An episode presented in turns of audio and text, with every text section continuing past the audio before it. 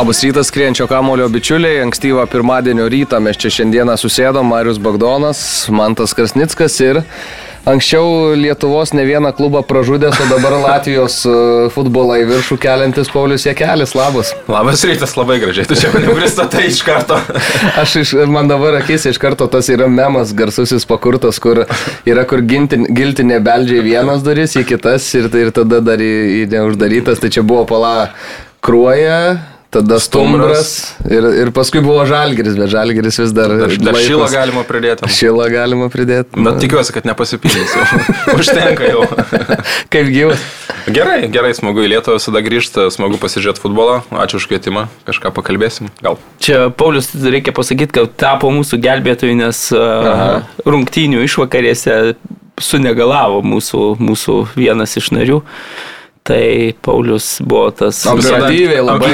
Jo, operatyviai greitai, kai sužinojom, kad jau negalės sudalyvauti, tai tada metėm tą gelbimusi ratą. Labai arti tas ratas buvo iš tikrųjų, nes mes vakar visi trys buvom LFF stadione, stebėjom Vilniaus derbį, kuris, kaip Marius labai gerai sakė, dar rungtinių eigoje bus teniso rezultatas, tai ir baigėsi teniso rezultatu. Jo, matai, kaip nuprognozavau, no, taip šiandien jau sakau bus, jo, ok, vyručiai, tai ką, pasikalbam šiek tiek apie, apie futbolą. Tai visų pirma, kadangi jau turim Paulių čia, tai šiek tiek apšvies, kuo gyvena latviškas futbolas šitam sezone. Tai gyvena kaip ir lietuviškas futbolas, vyksta sezonas. Šiemet tas sezonas, manau, kad netoks įdomus, koks jis buvo pernai. Tai yra dviejų žirgų lenktynės, dvi komandos labai nutolusios nuo visų kitų ir dabar ten jau pirmos dvi vietos 23 ir birods 26 taškais lenkia trečią vietą, kas yra neįtikėtinas mm -hmm. rezultatas kaip po 29 turų. Tai susilpnėjo čempionė Valmiera, kuri labai panašus bus scenarius, aš manau, kad jeigu panevežys laimės tą lygą, tai komanda bus tokia saliginai mažesnė čempionų lygoje, kuri bus unseeded, tarp neskirstytų, žais su stipresniais varžovais ir kuriai bus sunkiau praeiti toliau Europoje negu tarkim, tai yra Žalgiriui, tai vat, Latvijoje panašus scenarius nutiko, kai Valmera pernai sensacingai laimėjo. Šiemet išsipardavė visus absoliučiai savo lyderius, Krolis parduotas į Speciją, savininkas įsigijo dar Gdansko Lechiją ir per Europinės rungtynės išsiuntė visus geriausius žaidėjus į Gdansko Lechiją, tai komanda ir taip silpnesnė nei pernai per Europinę kampaniją tapo dar silpnesnė ir galų gale pralaimėjo Partizanį klubui, bet ne, ne Belgrado Partizanui. Mhm. A, tai, tai va, tokia europinė kampanija. Na, Ryga galbūt neblogai Europoje pasirodė, nes išmetė vicečempionus vengrų. RFS tikrai galėjo Azerbaidžiano vicečempionus praeiti, bet e, kai 19 ar kiek ten smūgių buvo pirmos rungtynės ir pralaimė 0-2.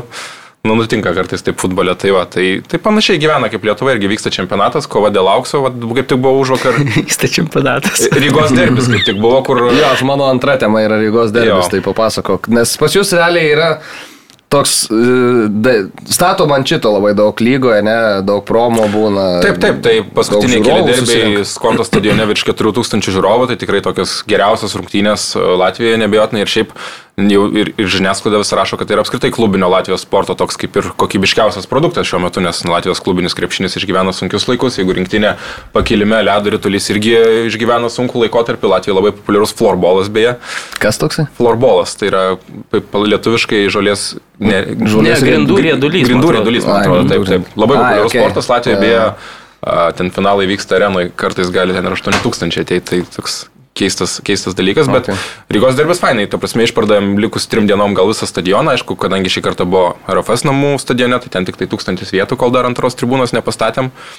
Tai viskas sausakimša, užpildyta, labai daug kas prašėsi, daug kas už tvoros stovėjo ir panašiai. Geras, geras rungtynės, RFS įmušė antro kelnio jau pabaigą, bet varas šį kartą nebuvo palankus, išvelgė pasyvę nuošalę, kur turbūt, kad ji buvo. Ir 0-0, ketvirtas derbis, ketvirtos lygiosios ir lieka toliau tie trys taškeliai tarp komandų, tai lyga pirmo vietoje, bet dar septyni turai. Tai viskas jų rankose, bet, bet kova vyksta. Tai, tai bent smagu, kad dėl aukso kova vyksta, bet pats čempionatas šiemet aš manau, kad vienas dalykas yra šiek tiek silpnesnis, nes kai kurios kitos komandos susilpnėjo kaip Valmera ir Liepaja gana ženkliai.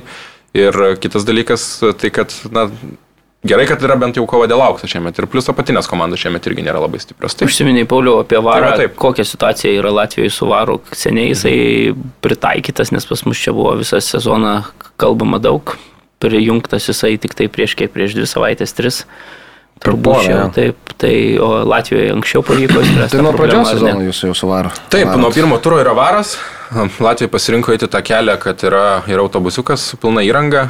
A, Turbūt iš dviejų pusių galima žiūrėti tą reikalą. Iš vienos pusės turbūt gerai, kad yra einama tokių, kaip pasakyti, technologijų, inovacijų kelių, kuriuo daugelis šalių jau nuėjo ir turbūt čia laiko klausimas, kada varas apskritai bus privalomas, manau, visose lygose. Bent jau link to, man atrodo, yra einama akivaizdžiai.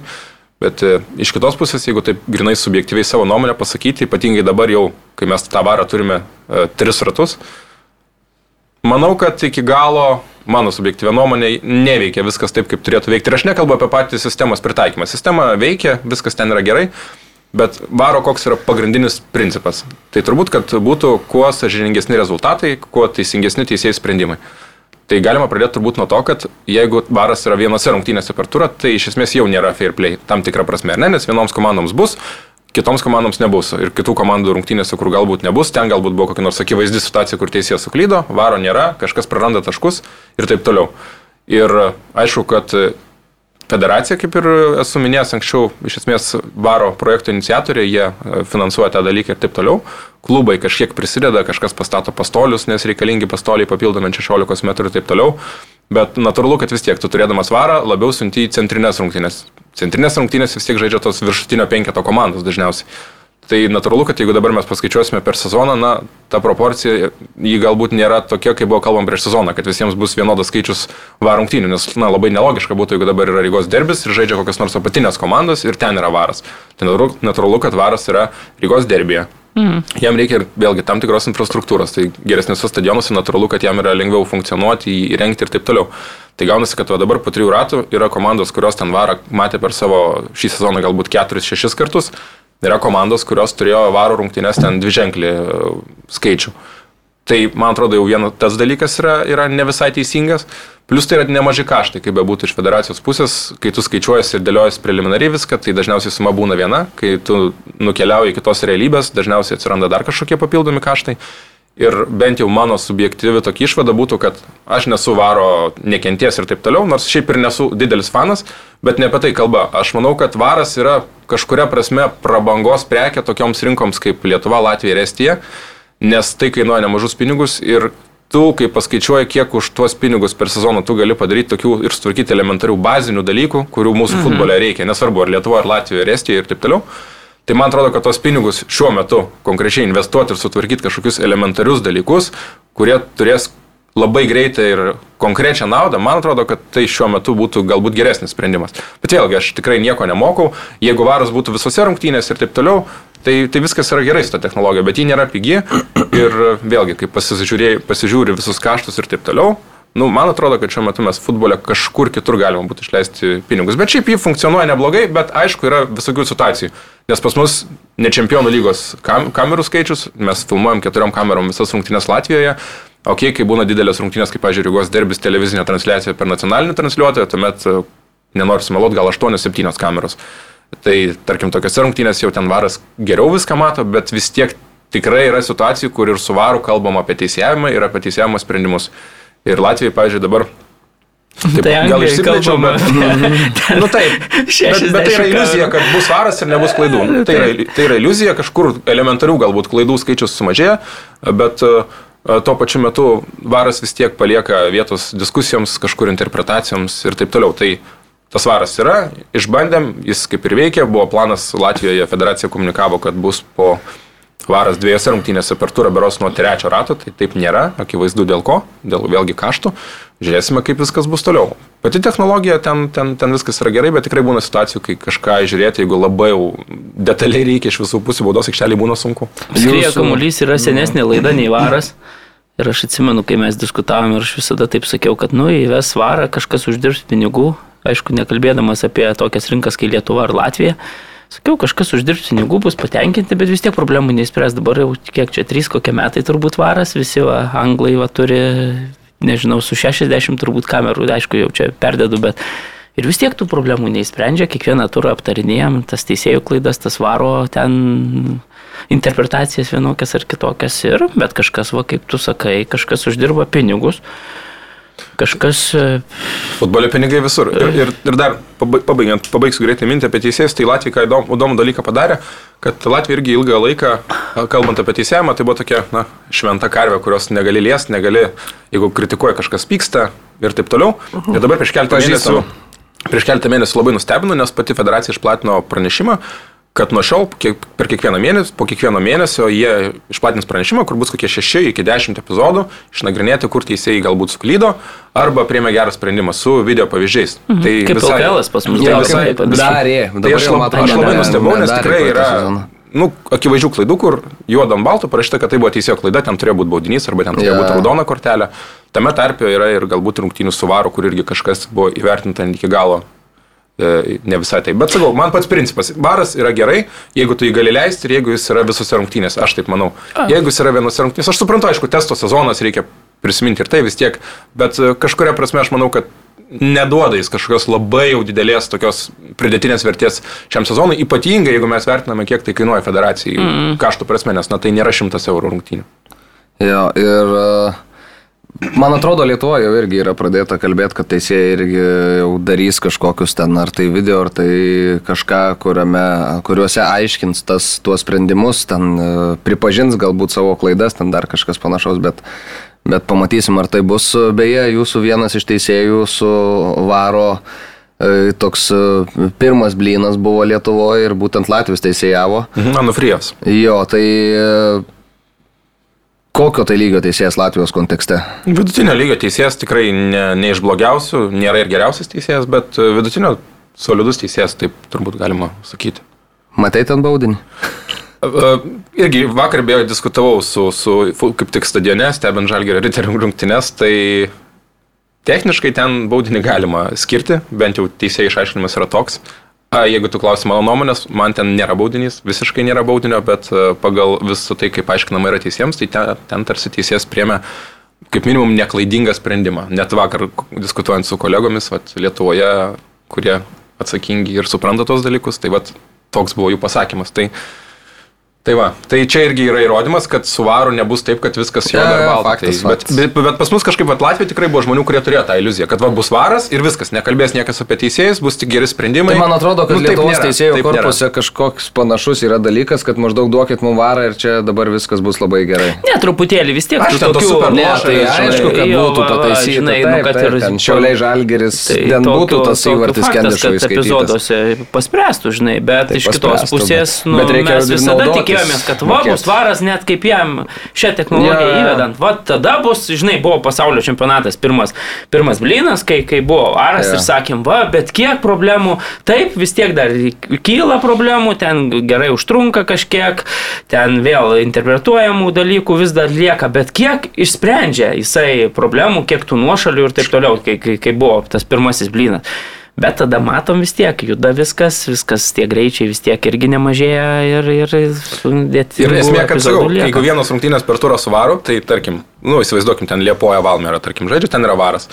Ten, tarkim, nei vieno epizodo, kurį labai reikėtų yeah. peržiūrėti, nėra. O tuo pačiu metu ten žaidžia koks daug pilis meta, principinis ten varžovas ir panašiai, ir ten kokie trys varo epizodai ir uh, ten po rungtynių treneriai spaudos konferencijos, tai kur varas, kai jo reikia, ir gaunasi kartais dar daugiau kažkokių šurmulio problemų. tokio. Ir, ir Jo, ką tu gali jiems atsakyti, nu, tu bandai aiškinti, kad, nu, dėliojimas yra taip ir taip tas tvarkaraštis varo, sprendžia tai federacija, bet uh, jiems neįdomu, jie yra pikti, nes jie sako, tai koks čia varas, tu prasme, pinigai išleisti, mes vis tiek esam tie nukentėję. Tai va. Jo, va šitas dalykas, man atrodo, irgi, kai turi vieną per, per turą, vienerias rungtynės su varu, tai arba tu turi kažkaip paskirstyti, kad visos komandos tą varą gautų vienodą skaičių kartų, arba kitaip tada kažkiek yra neteisybės, nes Bet, jeigu, tokių kalbų. bet irgi nelogiška, jeigu tu tikrai skirstysi tom mažom Jo, tai komandom, visiškai, kurios taip, taip, taip, dėl nieko faktas. nekovoja, tai irgi. Ir sakau, labai sunku manevruoti. Tai tiesiog priimi kaip testinį sezoną, kažkuria prasme Lietuvai galbūt šiek tiek lengviau, nes jie gali dabar matyti vat, kaimynų pavyzdį ir kažką galbūt. Nes vėlgi yra skirtingų Ne, variantų, tu gali renginėti varo kambarį. Tai kaip tu gali Lietuva imti ir autobusiuką, tie finansiniai dalykai Jo, irgi skiriasi. Tai, tai va, tai turint kuo daugiau pavyzdžių aplinkui, ypatingai tokių mažų regionų, nes kas iš to, kad tu ten matysi, kaip varas veikia Anglijoje, tai pas tave tu to niekada nepadarysi gyvenim. Tai va, turi kažkokių pavyzdžių, gali pasimokyti. Šiaip įdomus dabar va, kilo man mintis, e, tarkim, mes irgi lygiai taip pat turim vienas rungtynes e, per turą, sakykime, Jo. varo. Ir vakarykštis, pavyzdžiui, pavyzdys, man atrodo, kad varo vakar kitame mieste, gerai, tai nebuvo lyga, bet Ai, man atrodo, LFF jeigu taurė. varas būtų LFF taurės e, pusfinalyje, kur, man atrodo, pagal svarbą yra žymiai svarbesnis mačas nei... nei Galim apie jį iš tikrųjų ir pasikalbėti. Tai turbūt čia Dabar, pereinant e, viskas gerai, pereinant iš, iš ten, nežinau, A lygos lyderio prieš outsiderį dvikovos, taip, Vilniui, taip, viskas patogu. Bet man atrodo, kad tuo metu labiau reikėjo tos varo technologijos tame pusfinalėje. Aš aišku, turbūt įsivaizduoju, kad gal ten vėlgi sutartys kažkokios Tai pasirašytos su, galų su lyga, televizinė transliacija turbūt, na, techniškai turbūt taip yra nuspręsta buvo jau iš anksto, ne, ne, turbūt tas LFFL taurės e, pusfinalis ten buvo kilnojamas vienaip kitaip, ten neaišku net kada žaisti, tai, tai čia viskas aš suprantu, bet jeigu taip dabar pažiūrėsi tas dvi rungtynės, tai pagal svarbą, pagal, pagal nežinau, ten turbūt įtampa. Pagal eigą. E, O galiausiai ir pagal eigą, tai turbūt, na, varas būtų pasprendęs žymiai daugiau problemų mum, jeigu mes būtume į šiaulius tą technologiją ir tuos visus to Peržiūrėti lygio vėliavėlę. teisėjus nusiuntę su mažieika inspektorium, su Rumšų aikštėje, su, su, su Žėdėliu ir Radišu, kaip čia, su vėliavėlėmis, tai man atrodo, kad nu, žymiai būtų daugiau šimėnų varkambaryje, tai man atrodo, jeigu mes šitą visą būtume nusiuntę teisėjų brigadą, slyvą beje, e, vadovą tribūnoje, tai jeigu mes būtume visus, visą šitą korpusą nusiuntę į šiaulius, tai gal būtų vėlgi mažiau problemų kilę, bet mes, kaip visada, nusintėm į šiaulius iš Vilniaus Valikonį ir Valikonis vėl, vėl sudegė, nežinau. ar- peržiūrėtų tokį epizodą varas dėl vėliavėlės. Mm, nemanau. Aš tai nemanau. Nu, nežinau, čia. Nes tu, tu, ta tai ką? galima. Ne, aš nemanau, kad Ne, nu, galima. kodėl čia galima, čia, čia turbūt galima, nes, nes Šiaip įdomus galiausiai toks momentas. įvartis, įvartis Nu, įvarčio kaip ir buvo įmušta, tai įvarčio Nu, situacija. bet tai vėl... tai, tai teisėjas tiesiog turėjo neleis pakelto kampinio. Nu, taip, esmės kaip taip. jis buvo Šiaip pakel- įdomu, Visų pirma, taip, kaip jis buvo pakeltas, visų antra, kai, ekspertų. kai, kai vėliavėlė yra ant žemės, nu tu negali leisti kelt kampinio. Bet ar paskui gali už tai atšaukti, nes tai nebuvo žaidėjo klaida, dėl to tai buvo klausiu. teisėjo Aš- klaida. Aš tiesą sakant abejoju, ar gali atšaukti, bet reikės užklausti. Tai... Šiaip nesidomi situacija. Labai įdomi situacija. Marius kaip visada pipiriukų patrupina. Ne, nu čia man atrodo, kad labai Bet tas, gavosi kur tu, kur tu įdėjai į Facebooką, tai labai gerai toks, nu, vėliavėlė guli, kamuolys ten už, už per, per, nežinau, per 20 cm nuo tos vietos, kur reikėtų jį žaisti nuo kampinio ir dar kai iškerpi tik tai tą visą, tai atrodo labai Ne, prastai. matai, čia gavosi taip jokingai, bet gavosi šitas rungtinių epizodas toks kertinis Na, tai iš taip, esmės, taip. nes po šito Romanovskio to atlikto manevro ir, ir pakelto ar, ar paridento kampinio, mm. įžeisto kampinio, taip teisingiausiai, galiausiai krito tas antrasis įvartis. Per pratesimą. Per pratesimą, kuris tapo, na, galiausiai lemiamu. Tas trečias jau ten vis tiek žaidžiant, žaidžiant daugumoje ir taip toliau jau, jau, jau, jau, jau desperatiški buvo Kauno Žalgerio bandymai kažką gelbėtis. Tai tokia situacija gavosi ir dar vienas epizodas, kad po šito epizodo buvo paskirtos tos raudona kortelė Nerijui Valskiui, kuris yeah. labai, na, atsarginių suolas Žalgerio labai pyko dėl, dėl šitaip įžeisto, sakė teisėjų, aiškino, kad, na, kaip jūs gali, jie iš karto jau sakė, kad, Taip, na, tu taip, taip. pažiūrėk į į tą kampinio gairelę ir, ir, ir ten kas darosi. Na, Romanovskis pa- pasidėjo, kaip jam patogu kamuolį, parideno keletą ten tų centimetrų, centimetras po centimetro, galiausiai įrideno tą kamuolį antrąjį Kauno Žalgerio vartų šiauliečiai ir viskas va pasibaigė tokiu įvarčiu ir man atrodo, kad vėl va tokiuose smulkiuose, tai tinklas buvo neprisiūtas Valikoniui. Aš, aš sutinku, kad na, jis vis tiek turbūt Lietuvos mastais, na, turbūt yra vienas geriausių teisėjų, bet va tokia, toks neukiškumas tokiuose epizoduose, man atrodo, na, kaip besuksi, vis tiek galiausiai gaunasi, kad, kad Ir paskui treneris skundžiasi, aišku, teisėjai darbu. po Tai. Stankevičius labai piktas buvo. Taip, ir, ir tu jį gali suprasti. Nu, gali, Nes faktas. iš esmės tokia situacija tai jau yra, kaip pasakyti, teisėjo kompetencija, kur Jie nesužiūrėjo. kaip čia, treti žmonės gražiau nebūna futbole, taip sakė treneris. Įdomu tai, kad, na, komentatorius po rungtynių kalbinės Stankievičių po mačo paprašė pakomentuoti tiek tuos įvarčius, tiek, tiek raudoną kortelę Dolžnikovui, tai sakė, nematė tų epizodų. Mm. Treneris ja. taip e, piktai, bet sakė, nemačiau. Ir, ir sakė, klauskit, kas matė maždaug. Jo, čia, tai, kaip, kaip tonas keičiasi Marijos ar ne, kai atėjo pirmos spaudos mm konferencijos, nes šiaip aš prisipažinsiu, labai nedaug yra trenerių, kuriuo aš konferencijas klausau, nes yra tikrai treneriai, kurie kalba, na taip, tiesiog. Yeah. Tėvė mūsų sukalba be intonacijos, neįdomu klausyti. Yra keli treneriai, kuriuos įdomu, na, pavyzdžiui, Lastausko aš pasiklausau, Čiapą man patinka klausyti, ne visada, bet Čiapas vis tiek toks įdomesnis.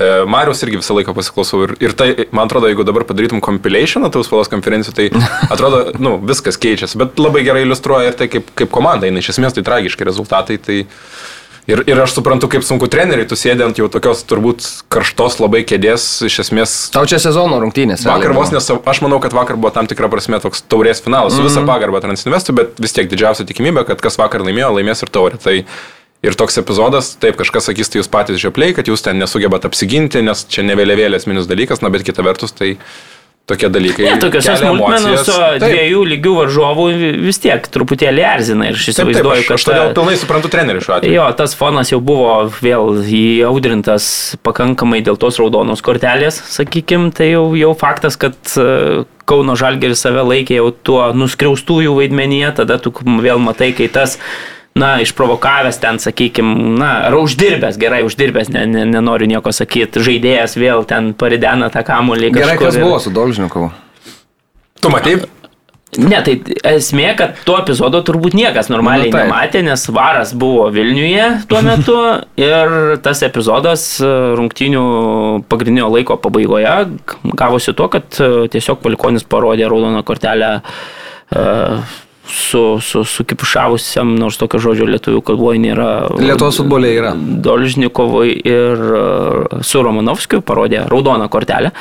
Tai mano žiniomis rungtinių inspektorius e, Gersas Žakas tame mače buvo rungtinių inspektorius po mačo pažymėjo taip kad alkūnė ir visų korpusų smogė varžovų komandos žaidėjų nežaidybinėme momente. Skliausteliuose paaiškina Gersas Žakas, kad kamuoliui esant toli nuo incidento.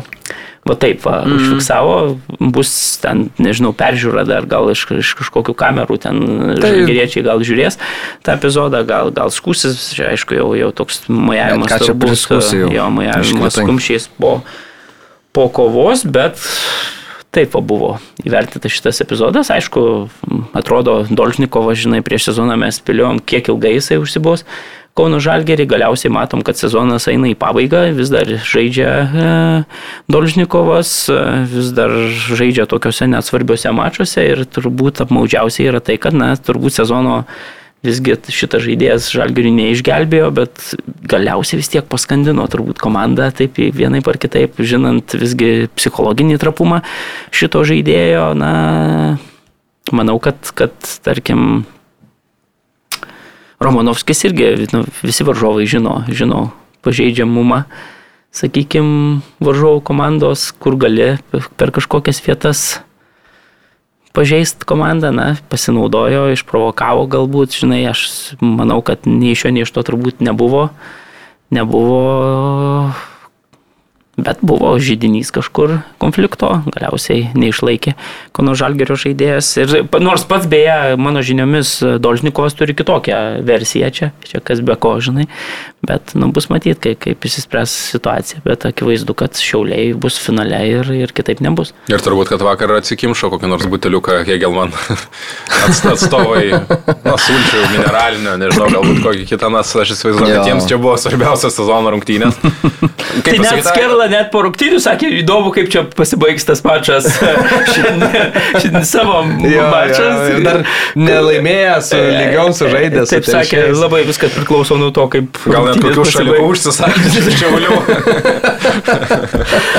Eis furistai su, su geltonu. Bet Kauno Žalgiris, nu, tikrai, nu, nu gaila, kažkuria prasme gaila, naujas stadionas ir tu dabar lieki Europos. Ir, ir tai, kas vyksta čia tos paskutinius kelis mėnesius nuo Marijos atėjimo rezultatų prasme ir žaidimo nėra, nu, Aš negalvojau, kad gali būti taip blogai. Jo, vakar reikia pasakyti, kad na, Marius Tankievičius į aikštę įleido 8 lietuvius prieš 9 šiauliečių, na tai jeigu mes šiauliečių pripratę tą, matyt, startinį 11 lietuvišką, tai, tai Marius Tankievičius įdomi ta priežastis, ar čia, sakykime, parodyti, kad ir mes galim lietuvių tiek suleisti, ar, ar vėlgi pasitikėjimas labiau sezono pabaigoje jau galiausiai. Ir pasipildė jie lyginant su sezono pradžia nemažai lietuvių. Tai taip, taip. Ir kai kurie iš jų legionieriai. Mhm. Jo, tai taip, bet galiausiai gausiu toks lietuviškas pusfinalis.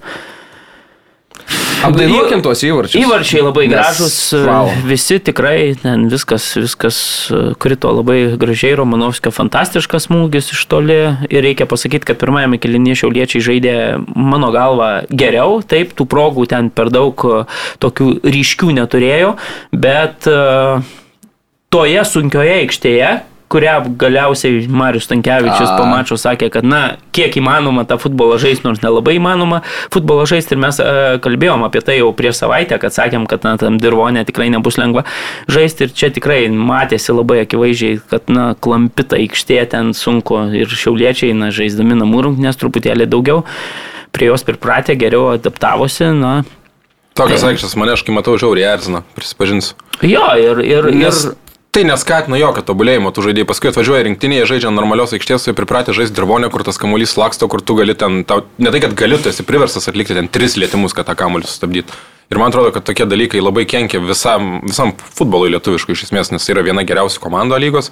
Nužaidžia baisio aikštėje. Sezono pradžioje ten kelias rungtynės mačiau, tai iš viso buvau pakraupęs, kaip galima žaisti tokia aikštėje. Paskui tarsi šiek tiek geresnė situacija, bet vis tiek tai yra prasta aikštė. sunku labai. Ir man, tikrai. man sunku suprasti, nu, ne, nereikia ten au- aukštosios kažkokios matematikos diplomo, kad tu tą aikštę sugebėtum prižiūrėti. Tai aš tikiuosi kažkaip ateityje iš tus dalykus bus šiek tiek daugiau dėmesio kreipiama. Jo, ir jeigu prieš tai vykusiuose lygos rungtynėse, kai abi šitos komandos susitiko, mes kalbėjome apie tai, kad Kauno Žalgeris galiausiai na, liko ten nuskriaustas, na, kliausteliuose prieš tai nenuskriaustas dėl tų teisėjų iš Latvijos sprendimų, ne? Ir buvo truputėlį gal net geresnė komanda, tai šitą mačią vis tiek, jeigu visus tuos įvertinus, na, raudonas korteles, tuos e, visus emocinius dalykus, tai sakykim, kad šiauliai vis tiek truputėlį žaidė geriau. Ten taip įmušė įvartį, pirmajam kilinėje taip nesakyčiau, kad turėjo iniciatyvą.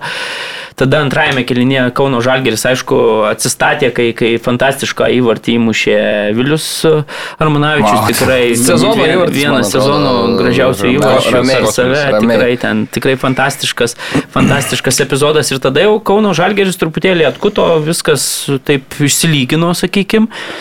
Na, bet tada ten prasidėjo vėl tas e, emocinis e, kamuolys ir, ir jisai galiausiai nuskandino Kauno Žalgerį.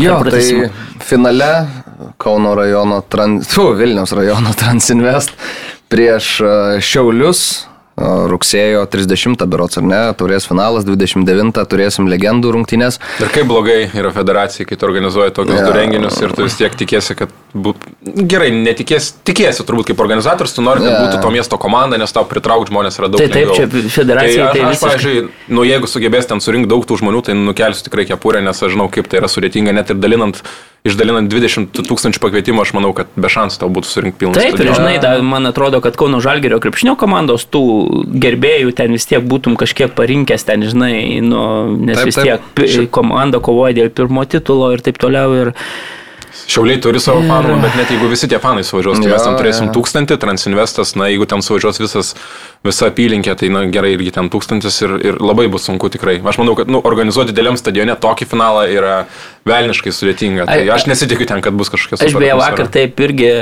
truputėlį sarkastiškai kalbėjausi su LFF atstovais vakar per, per, per rungtynės buvau sutikęs. Sakau, bet tai jums problemytė dabar, kad, kad Žalgeris neišėjo ir bus sunku surinkti stadioną. Sako, ai mes jau nežinom, kas čia yra tam Lietuvos futbole. Lengva ir kas sunku, sako, kas yra geriau. Kas... tai, tai toks geras buvo. Man matyt, su, nežinom, su patyrusiu darbuotoju kalbėjai. Jo, jo. Tikrai ne, ne pirmus metus dirba. Tai sako, nežinom, sako, kas čia yra geriau, kas sako, yra blogiau. Sako, šiauliai, tai sako, irgi va, turi daug, daug, daug tų sirgalių. Nors vakar, pavyzdžiui, šiaip reikia pasakyti, kad e, man atrodė, kad jų daugiau bus e, toj šiaulių, šiaulių stadione, nežinau, kiek ten tiksliai užregistruota, bet kiek teko matyti nuotrauką iš, iš, iš tribūnos, tai taip, na, kai tokio svarbos rungtynės prieš vis tiek savaitgalis, Tai taip man atrodė, kad, kad, kad, kad truputėlį galėjo būti šiauliečių daugiau. Bet aš manau, kad nu, susirinks tikrai. Vėlgi, Čiapo komanda kovoja dėl pirmo titulo, tas titulas yra ranka pasiekiamas.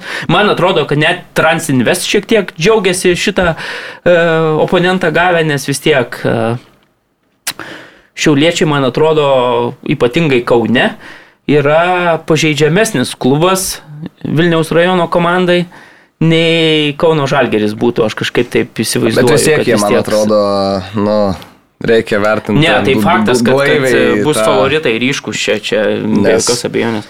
Nu jo, viena yra ten telšius ir, ir banga nugalėti. Bet pakovos. Ka, kas, pakovos. Aš, aš nebejoju, kad pakovos. Čia, čia, čia, ta, ta komanda čia, turi... Ne, ne prelegentai. Jo, jo, ir jie turi, jie turi patirties, jie turi ten patyrų, patyrusių žaidėjų. Linas Pilibaitis vėl į Kauną grįžta finalą žais dabar su... Tai va, gal Lino visa giminė susirinks ir užpildys stadioną.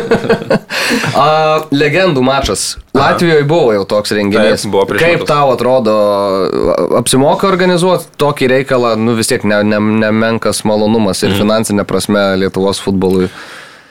Tai irgi turbūt iš dviejų pusių galima žiūrėti. Šiaip iš principo, tai aš esu visą laiką už kažkokius aš už tai, kad kažką daryti geriau negu nedaryti. Tai iš esmės legendų mačas šventė, kaip ir viskas yra gerai. Latvijai buvo. Latvijai buvo, pavyko surinkti pilną konto stadioną, bet labai daug buvo tikrai, iš esmės ten buvo dauguma bilietų tiesiog atiduoti vaikams iš akademijų, organizuotas transportas, autobusai Rygos akademijoms iš kitų miestų ir stadionas buvo pilnas.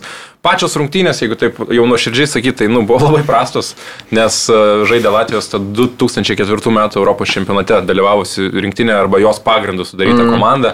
Tai natūralu, kad tie žaidėjai jau kai kurie ir su pilvais, kai kurie absoliučiai nesportuojantis ir, ir formatas buvo tikrai kankinantis kaip tokio pobūdžio rungtynėms. 2 po 45 minutės, tai jeigu dar pirmas 20 minučių uh, dar vyko futbolas, tai tarkim paskui jau ta žvaigždžių komanda dar dar, bet jau Latvijai kai kurie tai jau matai, kad jie tiesiog jau viskas, jie, nu jie nebegali. Jie, jie tiesiog jau matai, kad penkias minutės žaidėjas tiesiog jau eina, nu, nes jis nebegali. Tai pas mus vaizdas, žinok, irgi bus panašus, aš kaip suprantu, tai, nu. Tai aš ką noriu pasakyti, tas žvaigždžių rungtynės yra iš esmės didžiausias laimėjimas, tai kad tu turi žvaigždės atvykstančias į tavo šalį, gražiai kalbančias apie tavo šalį, nes tai yra ir PR tuo pat metu yeah. renginys, bet jeigu kažkas ten eina ir tikisi, kad tu pamatysi ten super kokybišką futbolą, tai ne. Jeigu tu naisi pasižiūrėti pirmojo lygoje Transinvestą su Babrungu, tai tas futbolas bus aukštesnio lygio, nes tai žaidėjai sportuojantis kiekvieną dieną, esantis formoje ir taip toliau.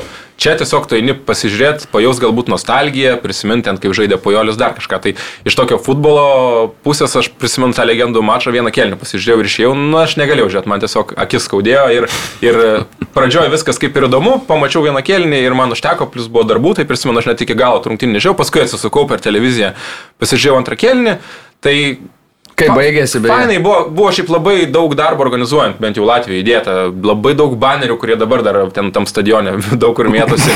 tai stadioną atsinaujinot ir dar baneriai mėtosi. Tai stadion... Nes kontas stadionas nėra labai atnaujintas, ten yra pakeista vėja, ten yra naujos kėdės sudėtos, bet iš esmės pati konstrukcija tai nėra nauja, yra kai kurios rūbinės atnaujintos, tas stadionas net nepriklauso Ryga FC, tas klubas tiesiog ten renovavo tam tikras, sakykime, stadiono dalis.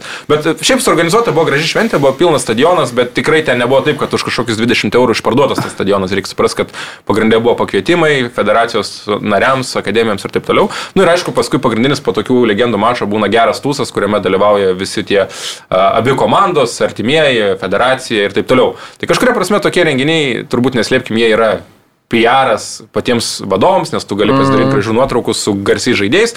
Tuo pačiu metu aš tikrai neneigiu, tai yra ir šventė žiūrovams, kurie prisimena tas legendas, ateit pasižiūrėti uh, ir taip toliau. Tai šventė yra faina, aš esu už tokius dalykus, Latvijai pavyko kažkuria prasme, tai yra pilnas stadionas buvo, žmonės turėjo gerą laiką, tai kaip ir iš esmės, ko tau daugiau reikia, bet kita vertus visą laiką tokiuose dalykuose tu skaičiuoji finansus, tai yra kiek tai kainuoja.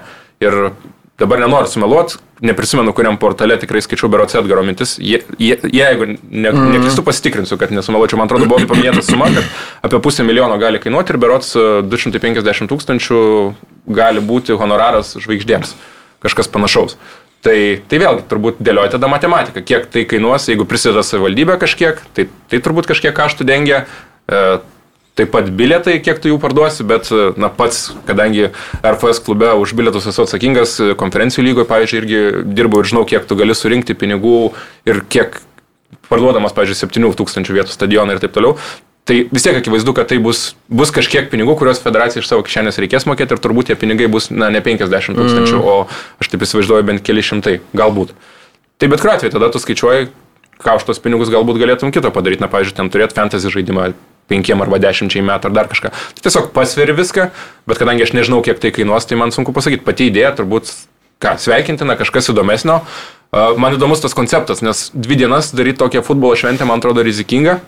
Aš taip įsivaizduoju, jeigu koncentruotai vieną dieną galbūt būtų lengviau išlaikyti tą žmogų tribūnose, bet kita vertus aš suprantu ir federaciją, nes... Na, no, iš tiesų, kokybė, žinai, taip, čia būtent, negali, būtent, negali. Būtent, iš pradžių ta... pojolis patrypti, po to tai, tai būtent, žymiai svarbesni mačia. Tai, Taip, tai va, tai irgi turiu omeny. Ir šiaip įdomu, yra du konceptai, kaip organizuojami tokios rungtynės, pavyzdžiui, žvaigždžių, kai nori pasikviesti žvaigždės. Tai yra tu gali tiesiog pats iš esmės skambinti žaidėjams per savo kontaktus, per jų agentus ir bandyti juos pasikviesti individualiai. Nu, pažiūrėjau, nežinau, pasikvieti keturias žvaigždės, dar duodi gali ten keturis vietinius žaidėjus pamiksuoti ir panašiai. Arba tu gali dirbti tiesiogiai su FIFA, yra FIFA Legends projektas, kur ten jau tiesiog konkrečiai yra kažkokie įkainiai. Mm. Turi būti konkrečiai FIFA Legends, jeigu tu nori to statuso, tai turi būti, jei neklystu, būtent tik tai tie žaidėjai, tu negali ten kažko miksuoti.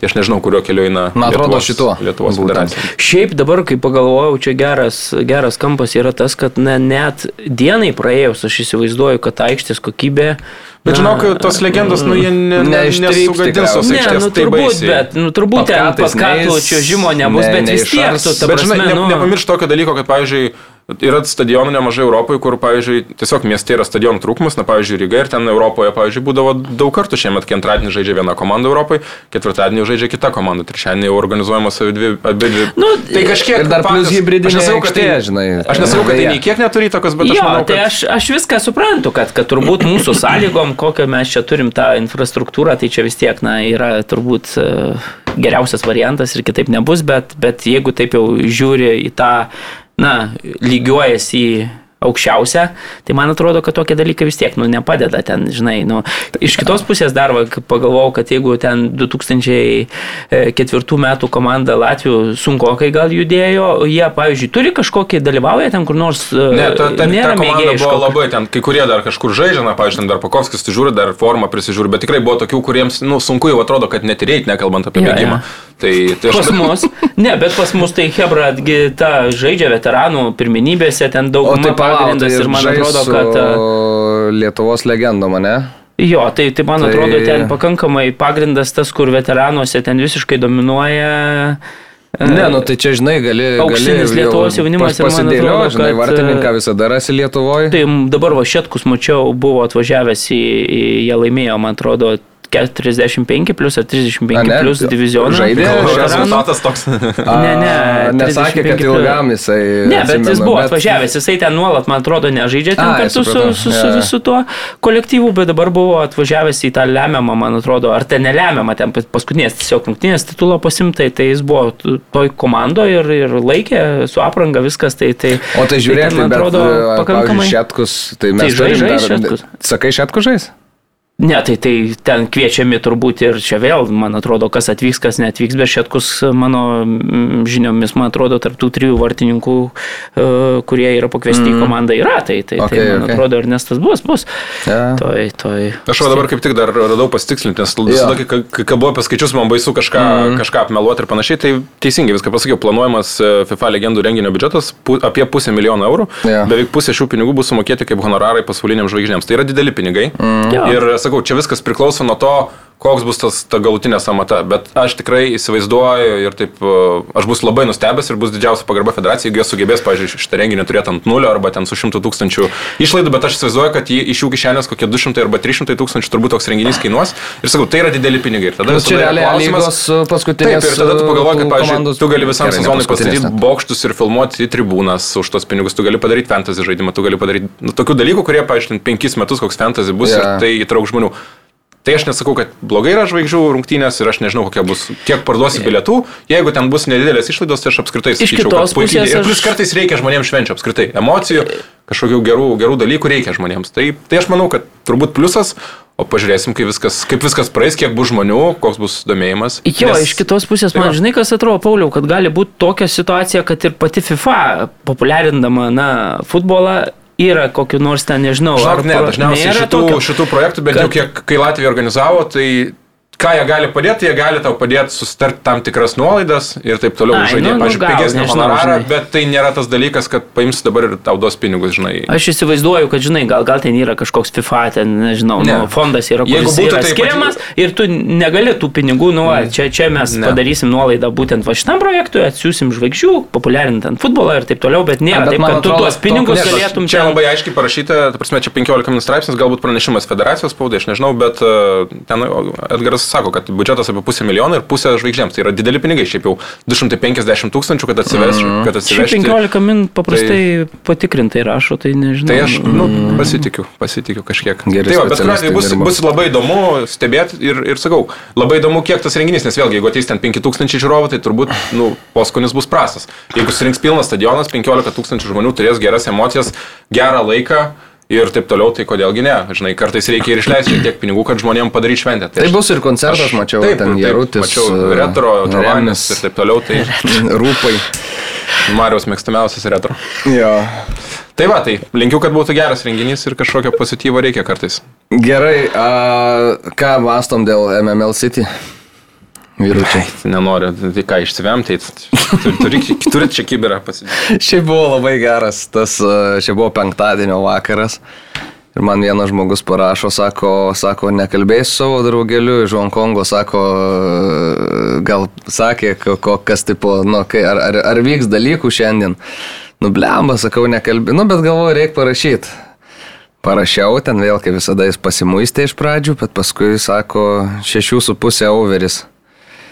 Aš rašau tam žmogui, sakau, nu, sakau, turėtų dar du įvarčiai sukris, bet 20 minučių dar tik liko.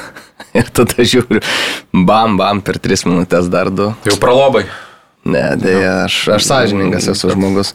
Bet, Bet- mačiau komentarų, kad sako, durnių, sako, jis postus rašinėja, eik pasistatyk maždaug geriau. Ne, liū- liūdni dalykai, bet čia, čia niekas iki galo nepasikeis, kol nebus kažkoks bent jau vienas konkretus atvejis, kad Jo. kažką paims, pasodins, užgrotų, gerai patardys ir taip toliau. Nes dabar tai man atrodo, jeigu aš būčiau nusikaltėlis, tai gal investuočiau turbūt pinigus į tokį būdą, nes toks įspūdis, kad tu gali daryti, ką nori. Jo, jo. Blogiausiu atveju tai tą tavo komandą uždarys tiesiog, o tu iki to laiko spėsi turbūt, kad užsidirbti aš spėju ten daugiau. Tai liūdni dalykai nėra ten ką kalbėti, aš tai tiesiog neturiu ką pridurti, noriu įsivemti ir, ir aš visą laiką lyginu bet kurį žaidėją, kuris parsiduoda, tai man tai yra tiesiog kaip eilinis vagis ar parduotuvė ar dar kitur. Čia nieko nesiskiria, ar tu parduodi rungtynes ir kai ten paskui žaidėjai, tai aš čia, mano šeima negauna algos, nevalgo, nu tai Jeigu aš dabar, man, aš esu dirbęs darbuose, kur man nemoka pusę metų algos, tai dabar man nemoka, tai aš eisiu dabar į parduotuvę ir ką boksiu, Nu ne, aš tada keičiu darbą, ieškau kažkokios išeities, aš neinu vokti, jeigu man nemoka laiko atlyginimų. Tai čia tas pasteisinimas žaidėjai kartais, nu tai aš neturėjau kitos išeities, nu ne, ta prasme, tu esi vagis, čia nėra kito pasteisinimo, čia nieko nesiskiria nuo žmogaus, kuris apvogė iš automobilio kažką, dar kažką, dar kažką. Nu tiesiog tu esi vagis, tu esi nusikaltelis, tavo vieta yra užgrota, jeigu tu vagin. Tai Šitos pusės aš žinodamas, kad tai yra jautrus mačas, įsijungiau ir žiūrėjau į visą. Ir e, Smagius įvarčius sumušė. nublemba, ne- ne- šeši su pusė padaryti, ten ypatingai įmušant patiem du. Ir tokius, nu, blemba, ten į devynis kalą, ten tikrai, nu, tie įvarčiai ten taip tikrai, jeigu taip žiūrėsi, visus ten vertinsi ir bandysi analizę darytų įvarčių, ka- kas turbūt ir bus daroma. Taip, taip, taip. Aš įsivaizduoju, kai, kai galiausiai vis tiek toks rezultatas teniso uh, seto. Blemba, ten sudėtinga bus surasti. Nu, tu, aišku, turbūt rungtinių pabaiga, jeigu ten vertini paskutinės ten 20 minučių, gal, galbūt ten kažkur savo akim ten mėgėjišką gali matyti, jeigu labai nori. Mm. Bet, e, tarkim, 60 minučių, kai rezultatas ten 3-2, man atrodo, dar vienu metu net buvo. Trys, nu.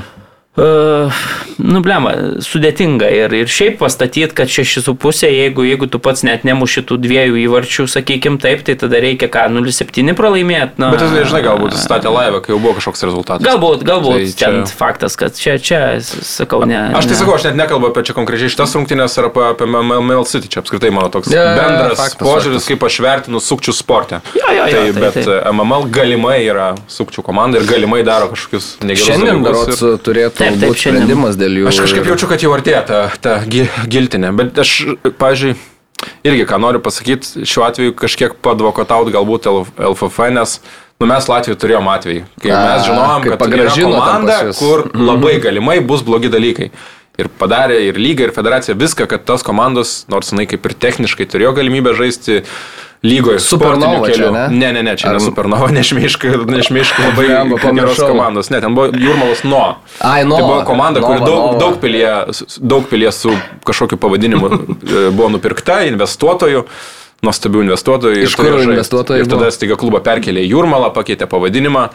Ir e, iš pradžių tai buvo iš Armenijos, nes Armenija yra nuo klubas, bet tada prieš pat sezono pradžią kažkaip pasikeitė ir tada iš tų savininkų perėjos į ga, pas, gal, pas galimus, nors dabar jau turbūt nereikia sakyti galimus, nes ten viskas jau įrodyta, tai prieš sukčiams tas klubas nuėjo.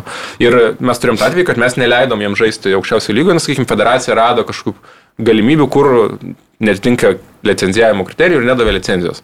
Ir jie ir pradėjom čempionatą be jų, jie kreipėsi į arbitražą, e, po gal mėnesio arbitražo sprendimas kol ir sprendimas buvo toks išaiškinimas, kol nepriimtas galutinis arbitražo sprendimas, jūs privalote suteikti galimybę jiems žaisti, nes jeigu sprendimas bus, tarkim, Taip. palankus jiems, tai... naudai, taip, taip, Nu ir taip. tada įsivaizduok, tai įsivaizduok, kad tokia situacija. Po mėnesio tau staiga reikia lygą integruoti naują komandą, papildomą. Keist tvarką, viską keist. Ta prasme, mes sėdėjom už galvų siem ir galvom, kaip blogai ir dar kai tu žinai, kas pas tave ateina. Tu įsileidi keulį į bažnyčią ir tu žinai, kad tai yra keulė. Bet e, tu, tu negali to kol kas įrodyti. Nu ir ten nuo pat pirmų rungtynių, nu tokie cirkai, vartininkas iki vidurio išbėga, permetinėje per galvas. Ir tu matai, bet tu negali, tu, ta prasme, tu turi pagauti už rankos, tu turi turėti kažkokius įrodymus, negali paimti ir tiesiog išmest. Aišku, kai jau prisikaupė tų visų signalų ir taip toliau, tai mėnesį tas cirkas truko. Nu, akivaizdus buvo. Ta prasme, tokio, tokio, Kiek jie sužaidė? tokio šlikštaus, nu, sužaidė gal kokias aštuonias rungtynės. Ir tiesiog matai, kad kiekvienose rungtynėse vyrai dirba sunkiai. uh, bet dar kas juokingiausia, kad tiesiog komandą treniravo treneris, kuris paskui po to klubo perėjo, kažkur dirbo Rusijoje ten žemesnėje lygoje ir paskui netaip seniai dar treniravo Rusijos Premier lygos komandą. Tai aš irgi galvoju, nu kaip veikia futbolo sistema, ta prasme, ką, ką jie nepasižiūri, kur žmogus yra dirbęs, dar kažką. Tai galėjom tokio reikia. Taip, galbūt reikia, galimai. Aš sakau, galimai susitebęs, nes man rodos, jisai gavo tik tai tą vietinę diskvalifikaciją, Jo. o, ne, o ne visam pasauliu. Nu, žodžiu, mes turėjom šitą patirtį ir aš manau, kad federacija Lietuvos irgi puikiai supranta, kad Nu, išmest lengviausia. O jeigu jie nueis į arbitražą, Jo, jo, tai- ir tu tai neturėsi mano įrodymų, tai tu būsi, taip kaip, yra, tu tai būsi kad- paskutinis asilas, nes paskui tu, tau tikrinos labai daug pinigų. Ir tiesiog šiuo atveju aš būsiu federacijos advokatas, nes aš Tai suprantu, kaip viskas- taip, kvaila taip, taip. situacija, nes tu žinai, žmogus tau gali žiūrėti į akis įstatęs keulės akis, tu žinai, ką jis daro, jis žino, žino tavo situaciją, kad tu jo negali va dabar paimti už rankos ir, ir va toks vyksta žaidimas. Tai MML City man kol kas yra absoliučiai panašu į tai, kas vyko nuo. Nu, aš tikiuosi, kad anksčiau ir vėliau tai baigsis, nes futbolui čia nieko gero neduoda. Tai šiandien turėtų būti priimti sprendimai, mano žiniomis, jeigu anksčiau buvo diskvalifikuotas tas vienintelis nigerietis, tai dabar bus 4-5 žaidėjai ir tarp jų yra ir lietuvių. Kuriam Taip, taip, 19 a, metų, beje, tam lietuvių mano žiniom. Tai va, tai, tai, Tai- tai Nu, bus jūs viską žinot jau. šiandien turi vykdomojo komiteto, man atrodo, posėdis įvykti, uh -huh. ten tas uh, sušauktas ir... Bet ir, aš dar vienas dalykas, čia jau tikriausiai uždarant šitą. Aš nesuprantu tų žaidėjų, kurie nedirba toj komandai, o bando žaisti. Nu, kaip tave gali pasikviesti į tą komandą, kuriai reikėjo žaidėjų, ten atvyko dar naujų žaidėjų, ten jauni lietuviai, pavyzdžiui. Tai jeigu tu tikėsi, gerai, tu gal ten nepasieksi aukščiausio lygio, bet jeigu tu nori ten, tau dabar 18-19, tavo tikslas ten žaisti A lygos, tarkim, vidurio lentelės komandoje, gal tu tokį lygį gali kažkada pasiekti, bet tu ateidamas į šitą komandą, tu gauni realiai didžiulę dėmę, nes, nu, tu žaidėjai tam MML City. Ir dabar dar kitas dalykas, esi tarkim vartininkas, jaunas vartininkas lietuvis, kuris stovėjo vartuose rungtynėse su Babrungu. E, Plungės, e, jo, Babrungu. Tu susileidęs šešis, net jeigu tu ten vis tengiasi, tas rungtynės peržiūrės ir tu gali realiai atsidurti po tuo padidinamoju stiklu. Ir aš kalbėjau su kai kuriais žaidėjais, kurie anksčiau žaidė MML City. Ir jie sako, sako jo, ten tarkim rungtynės su Žalgiriu B06, kai kurie žaidėjai, nu ten akivaizdžiai tragiškai atrodė kai kuriuose epizoduose, bet tie žaidėjai, su, kurie su jais žaidė, kurie su jais treniravosi, sako, nu blemba, bet toks jų lygis, jie gali tokias klaidas daryti ir čia nieko nėra stebuklingo, bet kai susės tas tyrimų komitetas, žiūrės, sakys, nu, oi, čia nelogiška, čia šitas jau čia kažką, žinai, ir tu realiai tu gali net nieko Ne, tai yra tokių pavyzdžių buvę, yra buvę senesniais laikais, kai buvo ten ir, ir šiauliai, man atrodo, aš nenoriu sumeluoti, bet jeigu aš neklistu, buvo ten kelių rungtynių diskvalifikaciją gavęs Modestas Vorobjovas, aš puikiai prisimenu, kažkada ten irgi absurdiškai buvo kelių rungtynių diskvalifikaciją gavęs ten Ernestas Veliulis, nes ten, kas žaisdavo Klaipados granitė, ten va, taip ir būdavo. Nu, kad tai paima viską, pasižiūri, kas kažkur suklydo ir ten kartais net atakuojantiems žaidėjams duodavo ten minimalės kelių rungtynių diskvalifikacijas žaidėjams, kurie paskui turėjo geras karjeras ir žaidė rinktiniai. Tai tai, ką tu sakai, tai čia, vat, manau, yra puikus įrodymas, kad e, čia visiems, visiems žaidėjams, nesvarbu, jums skoloja dar kažką, bėkit nuo tokių organizacijų, bėkit nuo tokių žmonių, nes, ta prasme, vieną kartą įlindęs į tą šūdą, tu iš jo niekada gyvenime neišlipsi, o net jeigu ten nieko blogo nedarai, pabandyk paskui įrodyti, kad mhm. tai kodėl ten buvai, jeigu tu žinai, kad ten vyksta kažkokie dalykai, bėkit, neatsigręžkit, geriau baigti karjeras, negu žaisti tokiose komandose čia.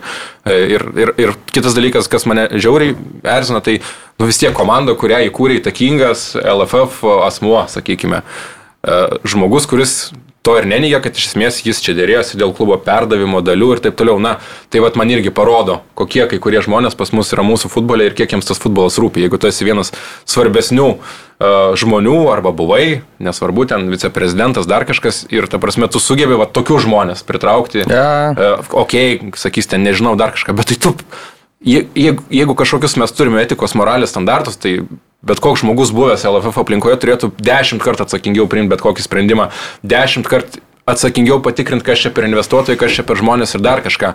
Tai man čia irgi yra visiškas kosmosas, ta prasme, ir parodantis, na, kad kaip kartais dėja tas aparatas. Ja, nes veikia. man, nu, negali tai būti. man užtruko lygiai valandą susirast žmonės Sakartvelė, kuriuo aš iki tol nepažinojau ir per juos išsiaiškinti, kas per veikėjai yra. Tai ten, va, kurie, tai, tai žinai, kurie tai atėjo, irgi toksai.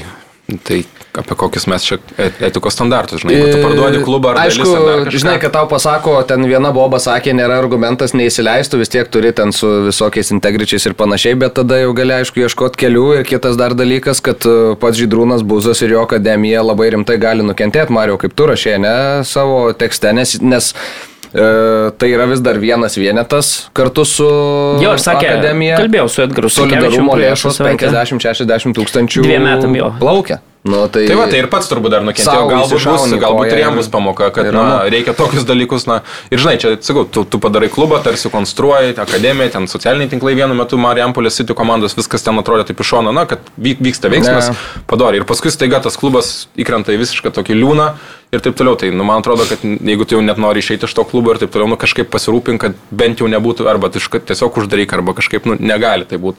Tiesiog negali, tai tikėkime, kad žmonės kažkur irgi pasimokys. Ir LFF prezidentas sakė, kad, na, ten, kadangi visi tie jurisdikciniai dalykai toliau ten sprendžiami, ten, sakė, vienas nuo kito savininkai ir buvęs ir, ir mhm. dabar esamas Taip, taip, ten tampo, sako, vienas nuo kito siuntinėja, sako, žaidžia tą kamoliuką viens kitam mėto ir, ir, ir problema iš esmės nelabai sprendžiasi, tai, tai taip, va, apie ką tu kalbi ten. Ir kai jūs sakot, kad na, nukentės buzas, tai man atrodo, kad labiausiai tai nukentės tas jaunimas, vaikai čia, čia buzas, tai žinai. Labiausiai gal, futbolas kenčia, Jo, o tada na, galiausiai viskas susiveda į suvalkijos turbūt futbolą, jaunimą, kur, kur tie pinigai yra tikrai pakankamai nu, Yeah. Svarbi, ten 30 tūkstančių, 30 tūkstančių kažkur e, gaunasi 30 keli metam, Jo. o kadangi ir už praėjusį, ir už šį sezoną, nu, tai tų lėšų galiausiai ta akademija solidarumo nepasieks iš UEFA ir, ir, ir vat, toks, tokia yra problema, tikrai didelė, manau. Tadas Alaveičikas turi mums klausimą, tiksliau tau klausimą. Nu, okay. Kada tūkstantinės minios pasitiks Latvijos futbolininkus? Na, turbūt, kad niekada, nežinau, noriu tikėtis, kad kažkada bus kažkoks pasiekimas, kur pasitiks žmonės, bet sunkiai įsivaizduoju, bent jau šiuo metu taip realiai ir objektyviai žiūrint. Tai Jaunius Kairys, kuri rinktinė tarp Baltijos šalių šiuo metu stipriausia? Aš manau, kad Lietuva ir Latvija yra tokio pat lygio rinktinės, ten žais dešimt kartų panašus būtų turbūt skaičius, tai tikrai nedrįščiau sakyti, kad Latvija yra stipresnė. Bet gal Lietuva yra dabar Lietuva- geriau treniruojama komanda, aš bent jau taip. E, Dėl to pritariu, taip. Dėl Nes- to pritariu. nes Latvijos Manau, kad rinktinės- Edgaras Jankauskas yra geresnis treneris negu Dainis Kazakievičius. Čia mano tokia nuomonė. Bet iš kitos pusės aš atsimenu su tavim, čia nežinau, ar galiu taip sakyti, prieš kurį laiką, kai Sakyk, sakyk. Kazakevičius e, pradėjo treniruoti, man Turėjo atrodo, praeitą komandą. ciklą neblogą. Tai man atrodo, tada kalbėjom ir tu sakai, kad na, tai nepanašu į tokį rimtą trenerį, bet jis žiūrėk, jau jis... Žinau, kad vis dar tą patį, kaip pasakyti, vis dar manau, na žmogus neturi jokios treniravimo patirties, žmogus yra absoliučiai visų laikų blogiausias Latvijos U21 rinktinės treneris, Dabar berots septyni pralaimėjimai iš eilės, kai prieš du metus jis kėlė tikslą, kad patekti į Europos čempionatą. Ir žinai, kas yra keista?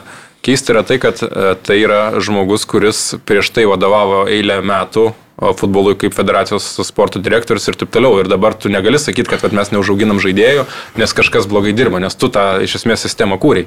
Tai aš niekada nemaniau, kad tai yra kažkoks labai stiprus treneris, tai turbūt yra stiprus funkcionierius futbolo, bet kaip treneris jis nėra stiprus ir Latvijai beje dabar po paskutinio pralaimėjimo, tai visa fanų tribūna apie tūkstantį žmonių skandavo Dainis Out.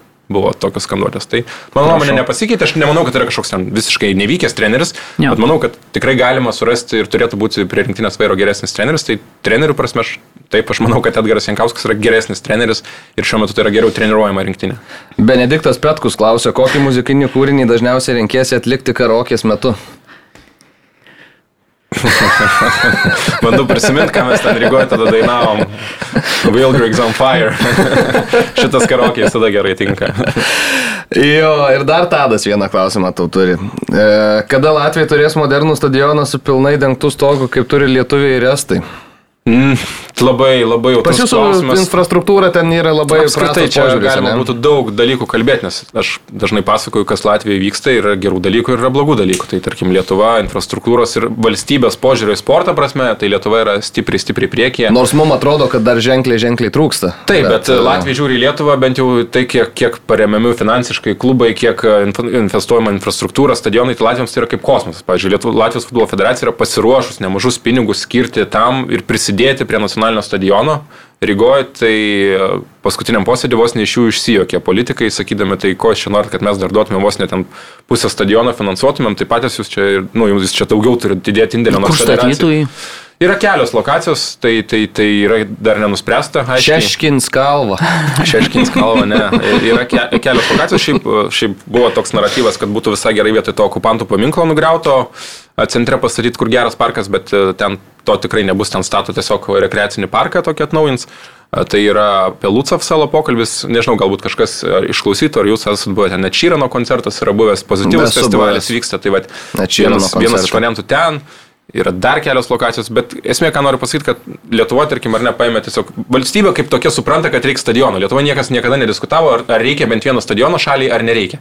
Tai vad Latvijoje yra tas toksai kažkoks įsivaizdavimas, kad kam iš vis reikalingas stadionas, čia tie futbolininkai yra nevykėliai, ta rinktinė nepažaidžia ir taip toliau. Tai, tai Latvijai federacija buvo pasiruošusi dėti savo e, pinigus, išimti iš kai kurių AFA projektų pinigus, kuriuos gautų per artimiausius keturis metus irgi įdėti į stadioną ir kad bendrai finansuojant ir e, vyriausybei, tarkim, pasistatyti stadioną, tai iš jų vos nebuvo išsijokta. Tai Lietuvoje viskas vyksta, nu, vis tiek gerokai, gerokai paprasčiau. O žiūrėk, o... Tai, ar tai kol kas Latvijoje, sakykime, iš mirties taško tas dalykas na, nelabai yra pajudėjęs. Tai mm. aš manau, kad ten iki kokio 30 metų tai galim iš vis pamiršti.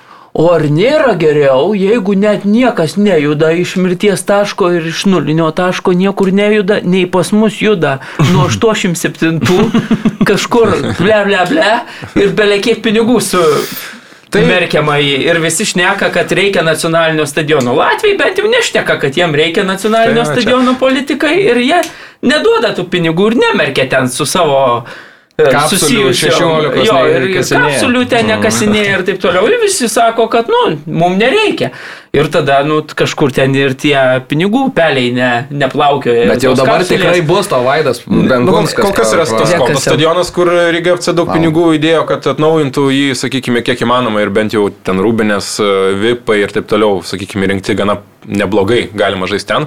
Pati, pati, pati valsti, valstybė, aš net nežinau, ar valstybė ar konkrečiai Rygos miestas, bet Daugavos senas stadionas buvo renovuotas, bet jis buvo renovuotas, na, kaip jis, stadionas, kad įsivaizduotų klausytojai, jisai labai panašus iš savo projektavimo buvo kaip e, senasis Dariaus Grėno stadionas, irgi be stogo, irgi toks apvalainas, vienoje pusėje nieko nėra, kitoje pusėje tribūna, bet jį rekonstravo, tai tiesiog atnaujino ten konstrukcijas, patalpas ir taip toliau, bet Ir nacionalinė rinktinė ten metu nėra, taip, rinktinė žaidė, bet e, ten e, paskui pernai padarė vieną koncertą, visiškai sunaikino veją, nes kažkodėl iš vis neuždėjo jokio, jokios apsauginės Ai, da- tiesiog dangos. ant- ant Taip, o šie-? O šiemet jau iš karto buvo suplanuota, kad ten vyks dainų šventė penkias dienas, tai per penkias dienas tu net negali nieko dengti realiai, nes, nu, ką tu ten dengsi, ta prasme, ten turi po kažkiek laiko tu turi nuimti. Nu, žodžiu, Latvijai buvo jau tiesiog pasmertas tas stadionas, bet kita vertus futbolė, futbolė jo niekas nemėgo. Visi fanai visą laiką reikalavo, kad geriau žaisti senesniam skonto stadione, kur tu esi prie aikštės, Jo, yra ten atmosfera, takai yra, stogas, nes e, tas tie. Daugos stadionas tai tiesiog buvo katastrofa. Tai, tai, tai va, tai kažkoks stadionas tarsi yra, bet Mm. Tuo pat metu nėra. Na, kita vertus, Latvijoje bent galim pasidžiaugti, kad infrastruktūra gerėja. Tai, pavyzdžiui, Lankas sporto parkas RFS, ten e, pirmame etape 13 milijonų investuota, dabar e, investicijos vyksta ir jau kitais metais pasieks 25 milijonus eurų privačių vėlgi klubo pinigų, na, arba tiksliau klubo pagrindinio rėmėjo pinigų. Tai dabar apšvietimas e, visiškai atitinkantis europinius standartus, netrukus bus pilnai įrengtas, stulpai pastatyti, dedamos šviesos, lempos konkrečiai bus ir taip pat tribūna bus pradėta statyti, kad būtų galima žaisti. Tai kiek bus, pirmus, Bus nedidelis jaukus stadionas, pusantro tūkstančio, 1700 vietų, kad būtų galima žaisti pirmus etapus atrankoje. Yeah. Ir to pilnai užtenka virs lygos rungtynėms, na, o jau jeigu ten pateks į grupę etapą ar toliau, na, tai žaisi arba skonto, arba dar kažkur. Yeah. Nes, nes pačiam klubui statyti stadioną, kuris atitiktų tokius reikalavimus, na, tai yra visiškai, visiškai neefektyvu iš finansų, finansų prasme. Jo. Dinas Tertelis dar sako, gal Paulius galėtų pabandyti Jūs įtikint, kad Baltijos klubų turnyras visgi gera idėja, Marius turėjo aštrę nuomonę. Aš, aš, aš girdėjau Marius nuomonę, aš nu, kolegų jūsų podcast'e savo nuomonę pasidalinau, kodėl man atrodo, kad ta idėja galėtų gyventi, bet aš manau, čia atskirą būtų galima daryti yeah. podcast'ą ir dabar plėstis apie bet tai. Bet jau nukilinta realiai šitą idėją, ne? Bent jau dabar, nu, ta prasme. Ne, dabar niekas aktyviai nevyksta, bet aš manau, kad anksčiau ir vėliau čia vis tiek yra vos ne vienintelis kelias, aš taip galvoju ir žiūrėsime. Bet šiuo metu taip, šiuo metu niekas aktyviai nevyksta, nes akivaizdu, kad nebuvo tam pritarimo. Tai nemanau, kad dabar čia yra. Tai lietuvai pasakė ne, o su estais taip ir nešnekėjo. Ne, tai, ne? tai lietuvai pasakė, kad šiuo metu neaktualu, tai nesuteikė galimybės atvažiuoti pristatyti idėjos, o su estais buvo susitikimai, bet net negaliu pasakyti, ar ten iš vis buvo kažko, ja. kažko prieita. Ar, ar gal bus dar tik tai susitikimai, tai nenoriu tiesiog mm. sumeluoti. Gerai. Bet dabar, dabar, sakykime, aktyvaus kažkokio dalyko tuo klausimu tarsi ir nėra. Ok. Pasikalbam apie lygą, šiek tiek e, įvyko rungtynių. E, Sūduva Panevežys 0-1, e, panevežiečiai savo ramiai, toliau Pijus Širvys po standarto, e, antrose rungtynėse išėlės muša įvartį Pijus. Ir e, panevežys taip labai ramiai, labai užtikrintai žygiuoja toliau tuo čempionišku keliu.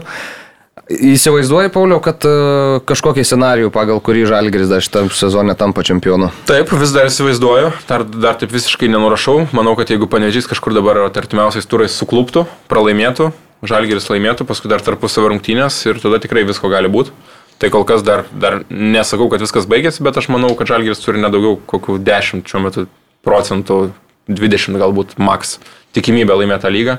Bet e, šiaip reikia pripažinti, kad su Sudova e, aš mačiau tik santrauką, yeah. bet e, nepaliko ten panevežys gerą įspūdį ir vakar irgi stadione susitikau ir su Davidu Česnauskiu, ir su kitai, keliais kitais gerbiamais futbolo pasaulio žmonėmis. Tai, tai visi sakė, kad labai sunki pergalė ir kad mm. nebuvo ten galva kažko geresnis panevežys. Bet, bet čempioniškos pergalės yra būtent tokios. Yeah. Ir vėl nepraleido, vėl įmušė va tokį vieną. Tai Černiauskai odė, noriu pasakyti. Pastarosiuose penkeriose rungtynėse panevežys nepraleido ne vieno įvarčio ir e, penkios pergalės. O geriem ir sekasi, reikia pasakyti, kad Marijampoliečiai na, gal net nebuvo su tokiu nusteikimu verti to, to pralaimėjimo, nes pirmajame kelinėje tikrai ir tai gal Lagaminas to... atvažiavo į Marijampolę.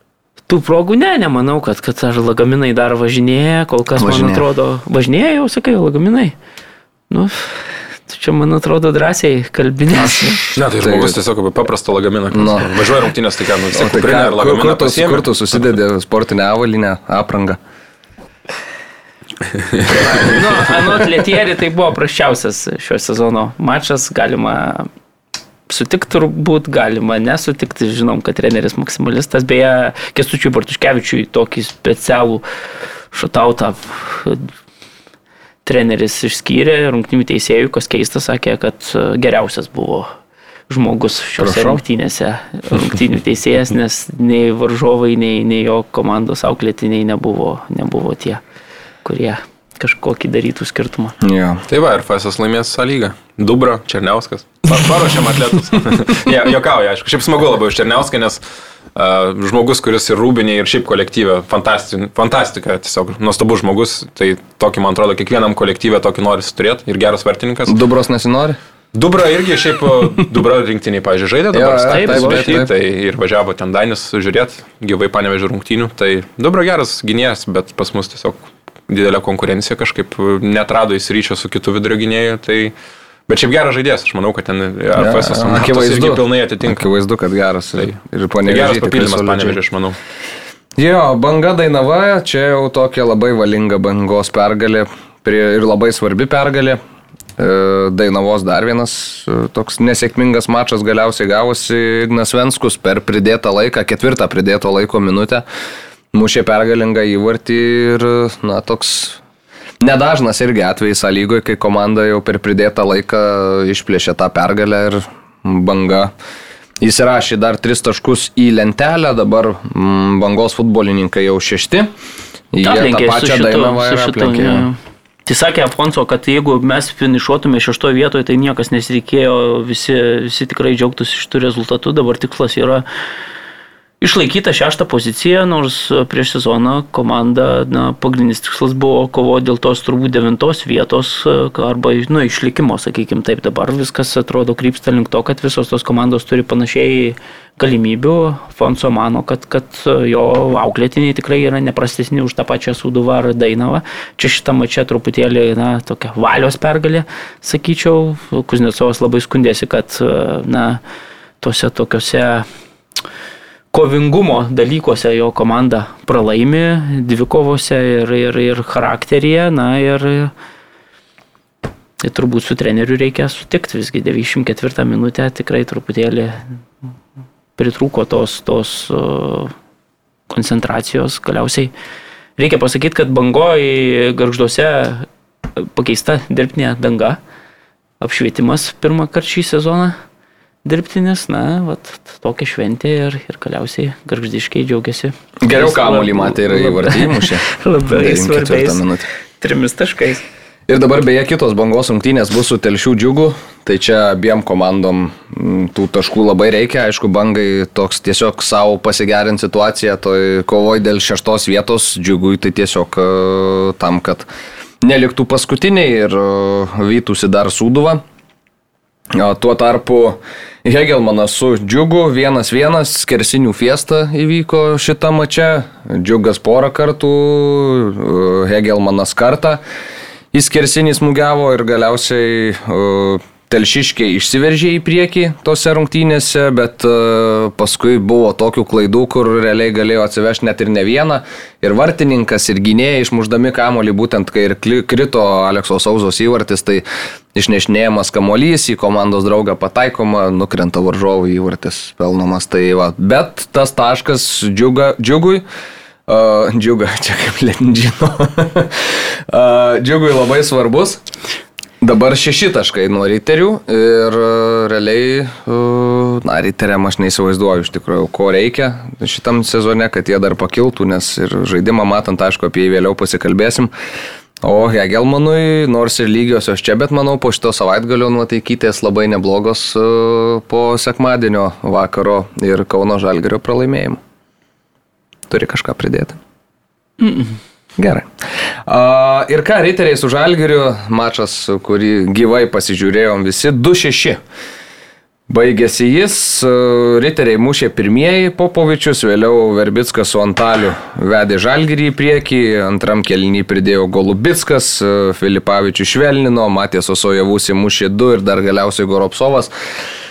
Uh, riterių komandos toks ir kalbėjom ir stadione, kai buvom, na, toks naivus atakuojantis futbolas, kuris tave palieka labai dažnu atveju žaisti 2 prieš 4, 1 prieš 3 žalgerio greitų atakų metu ir nu baisu iš tikrųjų buvo žiūrėti, kaip nesitvarkė riterių gynyba ir kaip tokį, nu, labai jau atvirą futbolą žaidė riteriai. Taip, man tai nesuprantama, tiesą sakant, tu esi silpnesnis ir toks naivus aukštą liniją, ten tiesiog kojavusis, tai trim galvom atrodo geresnis už visus žaidėjus aikštėje vakar viską sukūrė, jis tiesiog visi įvačiai tai realiai jo.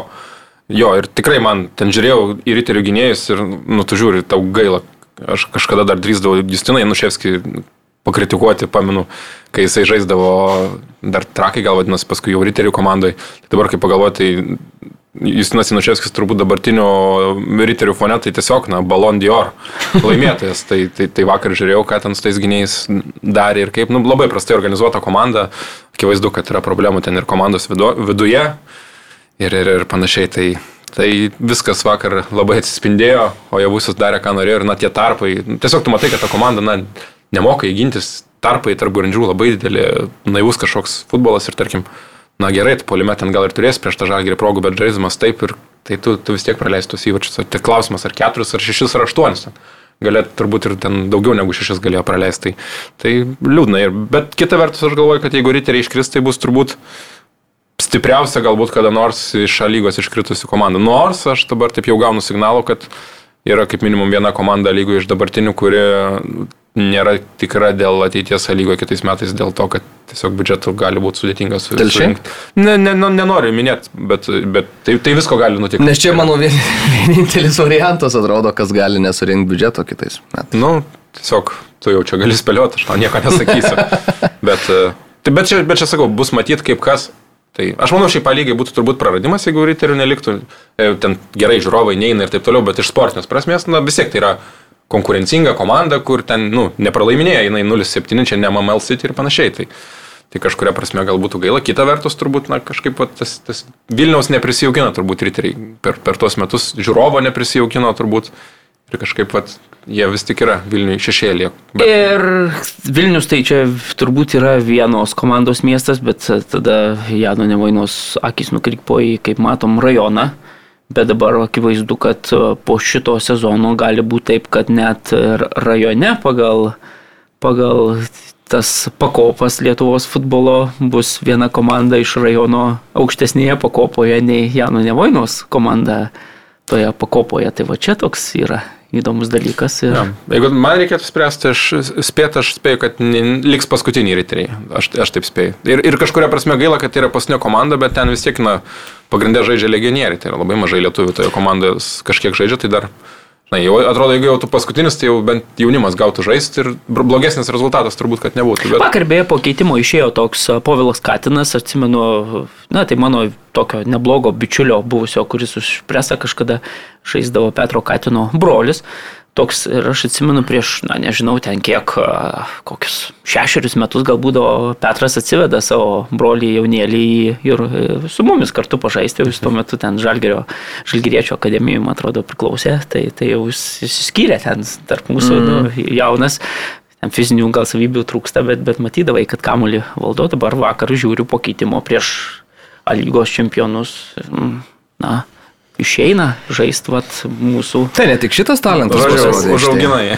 Žodžiu, iš karto jau tada į preso grupę rašau, kad ką čia mes auginam talentus, ar, ar kažkas nubirs iš to, jeigu jau Janui nubyra, galiausiai už uh, Mofį kažkoks uh, skatikas, galvoju, gal ir presui. Skatikas. galvoju, gal ir presui kažkoks uh, nubirs.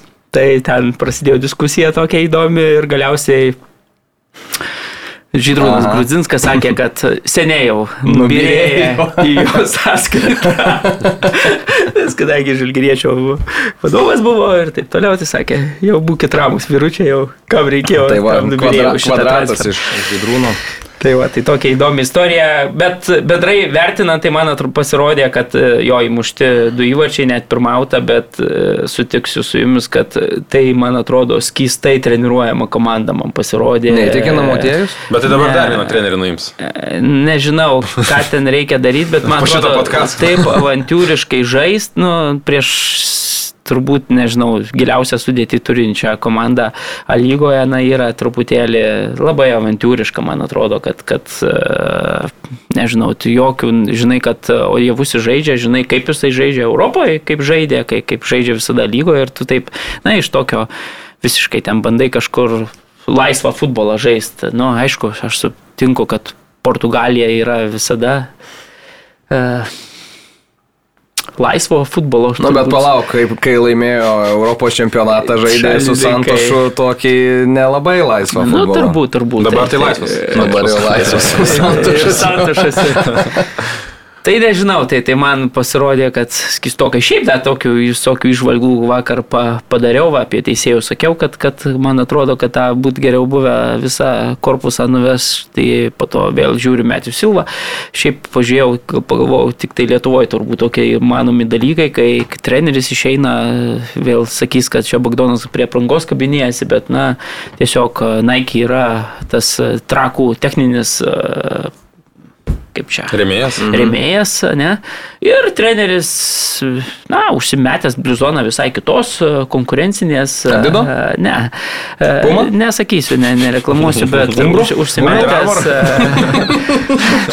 užsimetęs bliuzoną, vadovauja komandai, tai man atrodo, taip jeigu pasižiūri, na, Na, truputėlį toks atrodo tokie smulkmenos, čia, čia faktas, kad sakysit, kad Bagdonas kabinėjasi ir Tai kabinėjasi, tai Ir Bagdonas visada Bet, bet man kabinėjasi. atrodo, kad, na, tiesiog taip, jeigu mes jau kažkur taikom į ten, nežinau, rimtesnius dalykus, tai, tai taip neturėtų būti, bet, bet čia vėlgi dar geras, jūs kalbėjote apie tą jaunimą, kuris, na, sakom, kad e, riteriai paskutiniai vietoje būdami žaidžia su, su, su legionieriais, tai teko nugirsti tokį pokalbį, ateina Tadas Simaitis, buvęs e, sporto direktorius, kai suklusum į tribūną, ten, kadangi B komandos žaidėjai irgi stebi trakų, nu, riterių tas rungtynes, ne, ir, ir tada klausė, sako, tai ko neaikštės, neaikštė vienam tokiam žaidėjui, kuris dar nesiniai vaidino svarbu vaidmenį, sakykime, riterių komandos žaidime. Sako, jau į BVL pervestas. Ne, ten, ten Tai va toks, e, lietuvis beje, tai va toks yra fonas. Ir man atrodo, kad šita komanda su tokiu fonu, su tokiu chaosu, na, turbūt yra pasmerkta visgi ir su tokiu laisvu, sakykime, kaip ta kelnių guma žaidimu, man atrodo, pasmerkta yra pirmai lygai. dedam tašką turbūt šito klausimu. Jo, tai Bet yra tada dar vienas klausimas. Tu sakei, kad e, praktiškai nebejoji, kad riteriai bus paskutiniai, ne? Na, aš Nu, spėju taip, jo. Bet gerai, ar mes spėjom, kad riteriai žais lygoje kitą sezoną ar ne? Ai, nenoriu aš čia spėlioti. Aš tai garantuoju, kad nežais. Garantuoji? Taip. Prašau pagrįsti savo garantą. Nu, parašysiu šiandien tekstą, pamatysit. Riterių kitą sezoną, jeigu jie šiemet neišsikapanoja iš dešimtos vietos, riterių kitą sezoną lygoje nebus. Tai gerai, tada aš pasitikiu Bagdonu. Bet tai 12 komandų, Mariu. Nebus 12 Kokios komandų. 12? Čia neįmanoma. Pamatysi. Galit pasižymėti, galit po to iškirpti kitais metais, kada pavasarį, ten vasarį, kada jau visi tie bus. Bogdonas tvirtina, kad kitą sezoną riterių, jeigu jie šiemet užima dešimtąją Paskutinę vietą, Nes jie kitais metais žais trako pavadinimu. ne, nebus Ne, tos komandos. Tai žais pirmoji lygoje. Taip. Du, jeigu žais, nežinau, a, jeigu Janui ten ne, Neišblės entuzijazmas. neišblės entuzijazmas, jeigu jis matys ir toliau, toliau kažkokią, kaip šiandien, nežinau, Prasme. logiką ir prasme toliau investuotos pinigus, tai, tai, tai investuos tada pirmoji lygoje. Nežinau, kels gal uždavinį kažkada Vladimiras Romanovas e, išmestas iš A lygos e, kėlė uždavinį, atsimenu, savo BK Kaunui laimėti visas rungtynes e, žemesniuose ten divizionuose ir tai, man atrodo, sėkmingai komanda padarė ir paskutinėse rungtynėse ten prarado taškus. Tai, tai, tai galbūt ir, ką žinau, stipriausia ta visų laikų komanda iškritusi iš lygos gal irgi kels antrajame šalies e, ešelone laimėti, pavyzdžiui, visas rungtynės, sugrįžti su nauja jėga ir, ir taip toliau. Bet Galima dabar demaršą padaryti vidury sezono. Jo, dar pala, reikia pasižiūrėti, e, su kuo riteriai žaidžia artimiausias Na, rungtynės. šiaip dar, taip kalbant, tai kas, kas, kas dėl taurės perkelimo datos, tai aš manau, kad vėl Lietuvoje ir šiemet negerbiamas yra tvarkaraštis. Tiek, kiek turėtų, nes dabar gaunasi panevežys sužais artimiausią turą, paskui vėl dvi savaitės tarp turų, tai yra sužais dabar kurią 23 berods dieną, paskui kitos rungtynės tik tai jau spalio 8, paskui rinktinių pertrauka per mėnesį dvi rungtynės ir man atrodo tokie dalykai, na, Tvarkaraštis yra tai, aplinka turi būti viskas lipdoma, visi aplinkiniai dalykai. Tai yra, okei, okay, nori padaryti ant šventę dar kažką, bet tu turi vis tiek atsižvelgti į tvarkaraštį. Nes dabar gaunasi, kad uh, panevežė rungtynės nusikelia, nu toksai chaosėlis gaunasi. Žalgeris irgi ten, paskui ne- nelygus rungtynių skaičius gaunasi, o kai tu esi konkurentas Kad dėl pirmos matosi, kad su vietos. Česnauskiu pakalbėjęs, nes aš ką girdėjau, ką Lietieris kalbėjo, tai lygiai tą patį kalbėjo po pastarų galiu rungtynių. Tai- prisiekti prieš viską, ką šventą, kad su Česnauskiu apie šitą dalyką nei vienu žodžiu nekalbėjau. tai, tai, bet, nu, man atrodo, tas tvarkaraščio toksai vat, kilnojimas ir panašiai. Aš suprantu, kad federacija nori gražios šventės ir taip toliau, bet kažkur vis tiek tas tvarkaraštis iki galo nėra gerbiamas. Aš pažiūrėjau, neįsivaizduoju, kad tai būtų galima Latvijoje. Tai klubai mus paimtų ir pakartų tiesiog, jeigu mes tai bandytumėm padaryti, nu, sakytų, ta prasme. Tai, bet gerai čia. Yra kaip yra, toks trumpas. Jo, dar. tai dabar 23 rugsėjo Panevežys žaidžia namie su Sūduva, tada tik spalio 8 žaidžia su Žalgiriu. Nu, nesąmonė, taip, taip negali būti. Ir tada spalio 21 žaidžia Nu taip, su nes rinktinių pertrauka. Bet tai čia, nu, Ai, čia tai rinktinių pertrauka, tai viskas jo. Nu, toksai viskas tu, tu staiga kaip į, į pre-season tokį režimą, staiga važiuoji. Labai sunku. Tai žiūrėsim, kaip čia kas bus. Jo. Ką, manau, kad galim šokti į trumpą pertraukėlę ir keliausim truputį per Europą prasėjti. Olibet lažybos, lašimo automatai, ruletė, stalo lašimai. Olibet. Nesėkmingas lašimas gali sukelti priklausomybę. Ką, vyručiai, o pasižiūrim, kas įvyko įdomaus Anglijos Premier lygoje. Per nelik galbūt per, prie visų rungtynių ten labai neapsistosim, gal pakalbėsim apie pačias įdomiausias kažkiek daugiau. O Vulfsai vienas triviš prieš Liverpoolį mušė pirmi Wolverhamptono futbolininkai. Bet vėliau Cody Gakpo, Robertsonas ir dar paskui Hugo Bueno į savo vartus, tai Jurgeno Klopo vyručiai pasėmė tris taškus.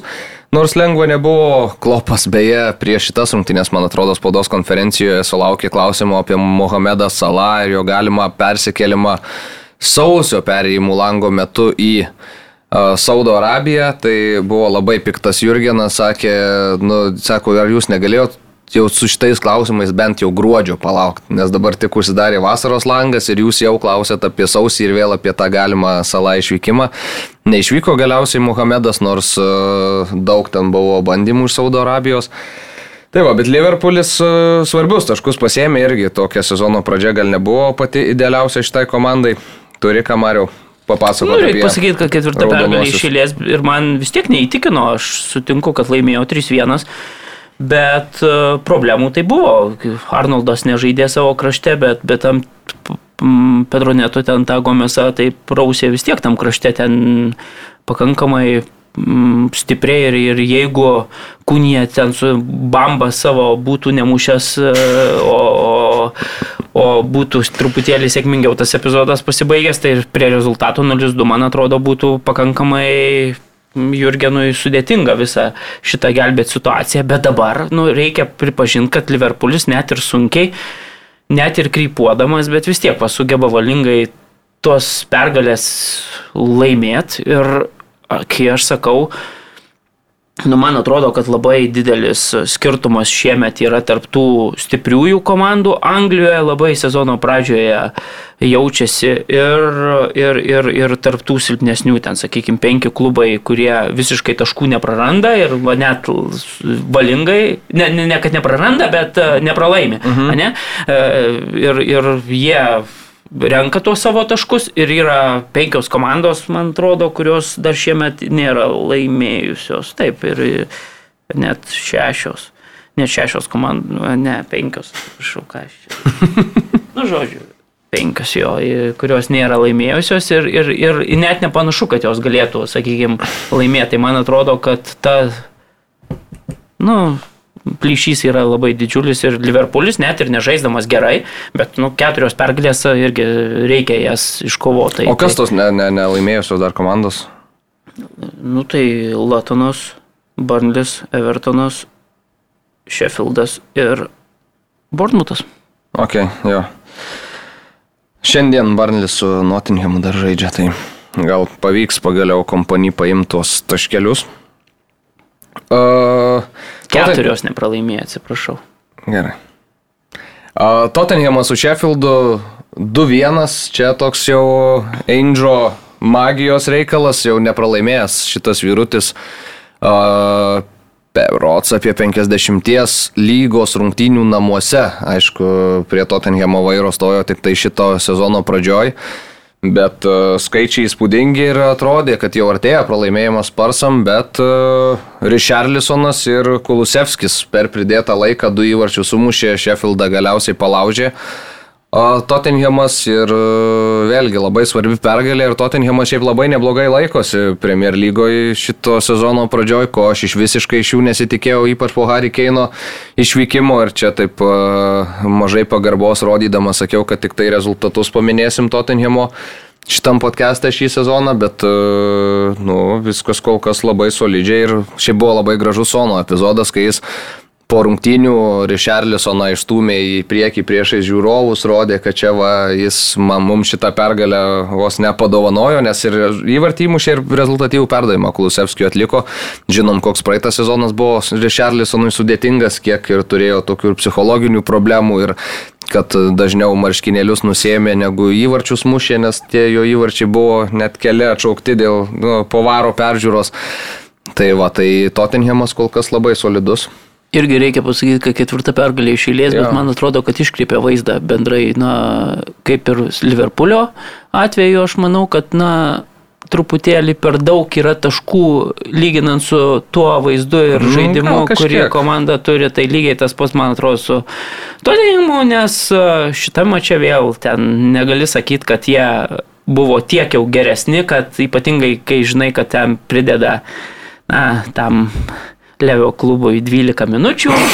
Bet jau Tada- vario, jau visiems pridėjo. Ne, nu, gerai, prideda 12 minučių, tada 8 minutę įmuša, aišku, su keitimu reikia pasakyti, neblogai treneris pataikė, įmuša Šalisonas, tada ten 12 ar 10 minutę įmuša antrą, tą įvartį, beje, Sheffieldas pirmą kartą šį sezoną pirmavo ir tikrai man atrodo, kad vertinant visą tą rungtynių paveikslą, vis tiek šita komanda, na, turėjo būti verta bent taško šitą mačią, jūs, na, bet vėl valingumas yra futbole didelis dalykas ir, ir ok, kaip, kaip ir Liverpoolio atveju, taip ir Tottenhamo atveju, tos komandos, na, kol kas mm, taškų nepraranda, taškus renka labai užtikrintai ir jeigu tu žinai, kad, na, matai, koks Manchesteris United yra krypuojantis, koks Šelsis yra krypuojantis, nu tai turbūt yra pirmoji sezono stadijoje yra svarbiausia susirinkti tuos taškus, nors man atrodo, kad Brightonas, kuris šiuo metu yra turnyro lentelės žemiau užimantis ir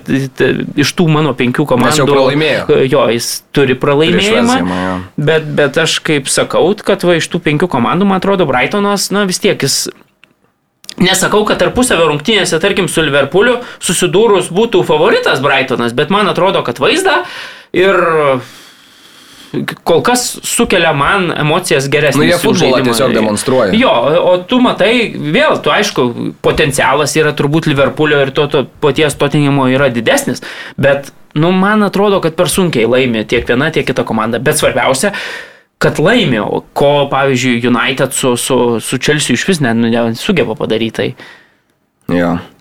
Uh, turi apie spursus ką nors pridėti? Ne, Pauliau? ne, ne, apie Angliją šį kartą nekalbėsiu, nes prisipažinsiu, praėjusiame turė nei, nei sekundės nemačiau nei rungtynių, nei santraukos, tai, tai būtų gana Bet kai, kvaila kai, kai, kažką- kai nebekomentuoji ir mažiau žiūri, ne, automatiškai tas lygas gaunasi toks... uh, Gaunasi bent jau man, kadangi tarp tų visų pirma, tai latvišką futbolą tenka žiūrėti ten dirbant, Jo.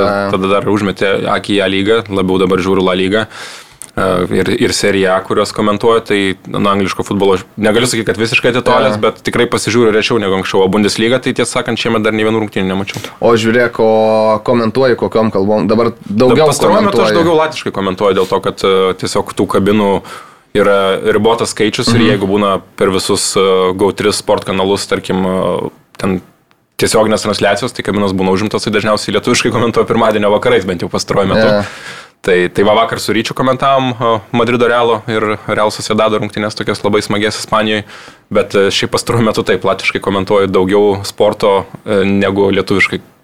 Proporcija taip turbūt du kartus daugiau. Bet tau visiškai jokio skirtumo latviškai Yra, lietuviškai? vis dar yra. yra. Tikrai lietuviškai lengviau ir, ir pats jaučiu, kad lietuviškai mm. geriau komentuoju, bet praktikos reikia kuo daugiau kalbėti, tuo, tuo jaučiuosi tvirčiau ir geriau latviškai komentuojant. Bet kokybės manau, kad tikrai daugiau duodu vis dar komentuojant lietuviškai. O tai Latvijos uh, komentatorių reitingė jau kokį penketuką, trejetuką. Čia taikaisi? žmonės, čia tegul žmonės vertina. Aš, aš džiaugiuosi, kad apskritai yra galimybė skirtingomis kalbomis komentuoti žmonėms ir kad, kad žmonėms patinka. Tai, tai, bet tikrai ten manau, kad yra man iš geriausių komentatorių Latvijoje dar ko mokytis. Beje- Beje, sunkiausia tai e, elementaru, kad jeigu aš Lietuvoje kai kurias sinonimų tiesiog žinau daugiau Jo. ir, ir man yra paprasčiau, nes aš tą darau jau 14 metų lietuvių kalbą, latvių kalbą aš tą darau na, dabar pusantrų metų. Tai Beje, aš dar tau klausimą turėjau, pirmai pamiršau užduoti, uh, kurią rinktinę labiau palaikiai pasaulio krepšinio čempionate Latvijos ar Lietuvos? na, aš abidvi palaikau. O jeigu tiesą kalbėt, nes abidvi ma- mano patikimi šaltiniai e, teigia, kad už Latvijos ir gai šiek tiek labiau nei už Lietuvius. Ne, kažkuria prasme, šiaip, jeigu taip jau visiškai sąžininkai, tai šiame čempionate Latvijos rinktinė man kėlė šiek tiek daugiau emocijų vien dėl to, kad, na, tai kaip ir unikali istorija, nes pirmą kartą dalyvauja Jo. čempionate ir, ir tiesiog įdomus labai stebėti, kaip Latvijos visuomenė tai reaguoja galų galia, taip tas pasitikimas, na lietuviai vis tiek dalyvauja visose didžiuosiuose turnyruose, na išskyrus pastaruoju metu galbūt olimpinės žaidynės, tai ir Lietuva yra laimėjus medalių, medalių ne vieną kartą ir taip toliau, tai kažkaip sunku, sunku lyginti. bet- Vieną, vieną. Nu, nesvarbu. Bet Latvija pirmą kartą dalyvavo, tai ką noriu pasakyti, kad kur Lietuvoje krepšinis, kur Latvijoje, tai vat, Latvijams čia buvo toksai krepšinio olimpas, kokiame jie kad nors yra buvęs, tai didžiausias ir įdomu buvo tai stebėti ir kažkuria prasme tada šiek tiek prijauti. Bet tik aš, kai žiūrėjau Lietuvą Latviją, tai tikrai nebuvo, kad aš ten palaikiau ar jo. vieną ar kitą komandą.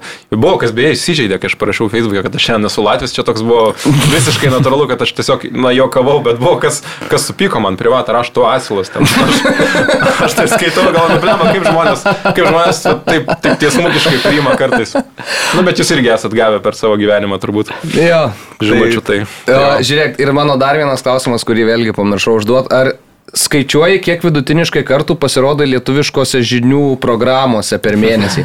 Ne. Kalbėdamas Latvijos aktualijų temom. Nes E. kaip aš dažnai tavo veidą matau šiaip per žinias. Nes ar Latvija žaidžia futbolą, ar Latvija žaidžia krepšinį, ar Latvija žaidžia ledo ritulį, ar Latvijoje kažkas šiaip įvyksta tiesiog e, susijusios ten su politika, ar dar bala žino, kuo e, Paulius Jekelis yra Tai specialistas. kolegos turi mano kontaktus, aš vis tiek, kaip sakyt, seku įvykius. Aš, Jo, jo. Jeigu ten komentuoju kažką apie įvykius Latvijoje, aš tikrai to nepatikiu, ten aš nesu politologas, dar kažką aš perteikiu žmonių nuomonę, tai man kolegom nesunku pakalbėti. Yra buvę situacijų, kai man reikėdavo kolegų pagalbos, tai jeigu kažkas paprašo kažką pasidalinti, ypatingai apie sportą, tai man tikrai nesudaro jokių sunkumų. Bet tai, dažnai, ne, šitas reikalas ganėtinai. Na, esu, esu ten suvestinėse, mano kontaktai Numeris yra. kontaktai, kontaktai yra, tai, tai būna. Už regioną atsakingas. O Latvijam apie Lietuvą dažnai?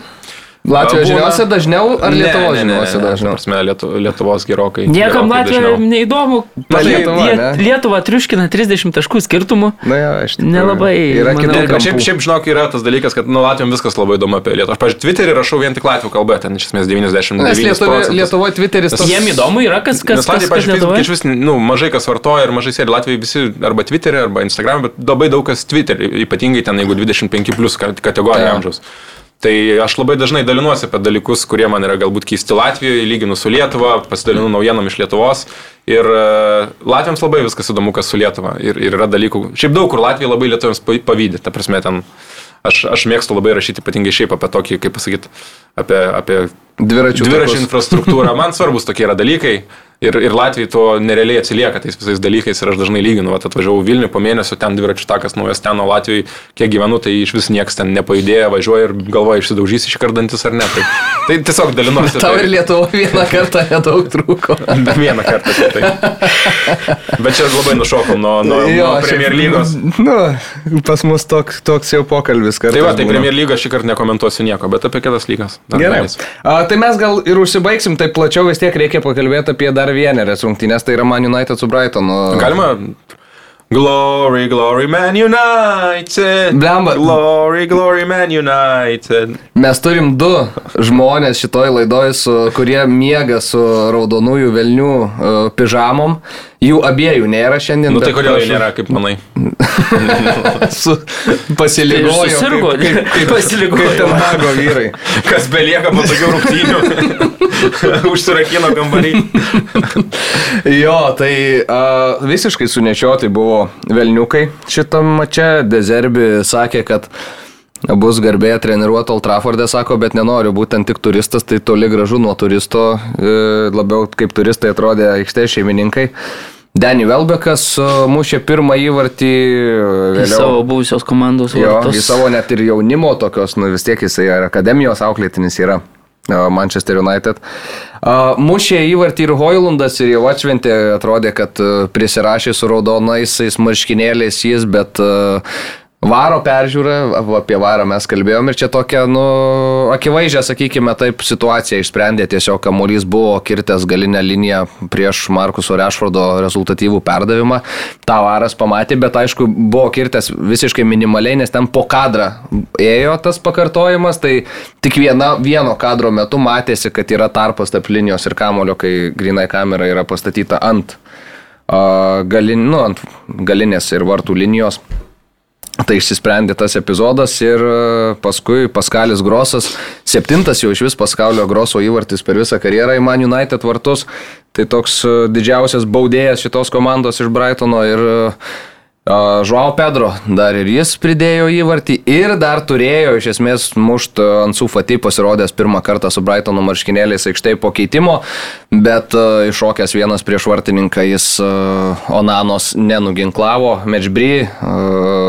Jaunas tunisietis, 20 metais buvo vienintelis, kuris Manchester United sugebėjo komandoje pasižymėti tokiu tolimu smūgiu. Mažai kas tikėjosi veikiausiai iš varžovų, kad Mečbry ten e, ryšys tokį smūgį atlikti ir, ir, ir, ir įvartį pelnė. Bet šiaip žiūrint į visas rungtynes, į jų eigą, kaip Brightonas nu, neįtikėtinai gerai kontroliavo kamolį, kontroliavo žaidimą, kontroliavo aikštės vidurį, stumdė tą kamolį gynybos saugų linijoje aikštės vidurį, Man United nieko absoliučiai negalėjo padaryti. Ir per nelik neperskubėjo, net kai atrodė, kad Brightonas šiaip gali bėgti tas greitesnės atakas. Jie sustodavo, jie ramiai įsiraičiodavo kamuolį iki, iki tos jau aštresnės zonos ir iš esmės galėdavo spręsti ten. O kai matė jau dar didesnės erdvės, tada jie puikiai bėgo į priekį ir užbėgo. Tai toks labai protingas futbolas, labai pasvertas, kažkiek galbūt ir atsargus, bet nu, absoliutus dominavimas ir absoliučiai pelnyta pergalė. Aš prieš sezoną, kai dėliojom savo lenteles, tai Brightonui paskėriau čempionų lygos berot, berots poziciją šitam sezonė ir kol kas tikrai nenuvilia manęs žuvėdros. Prašau, Mariu.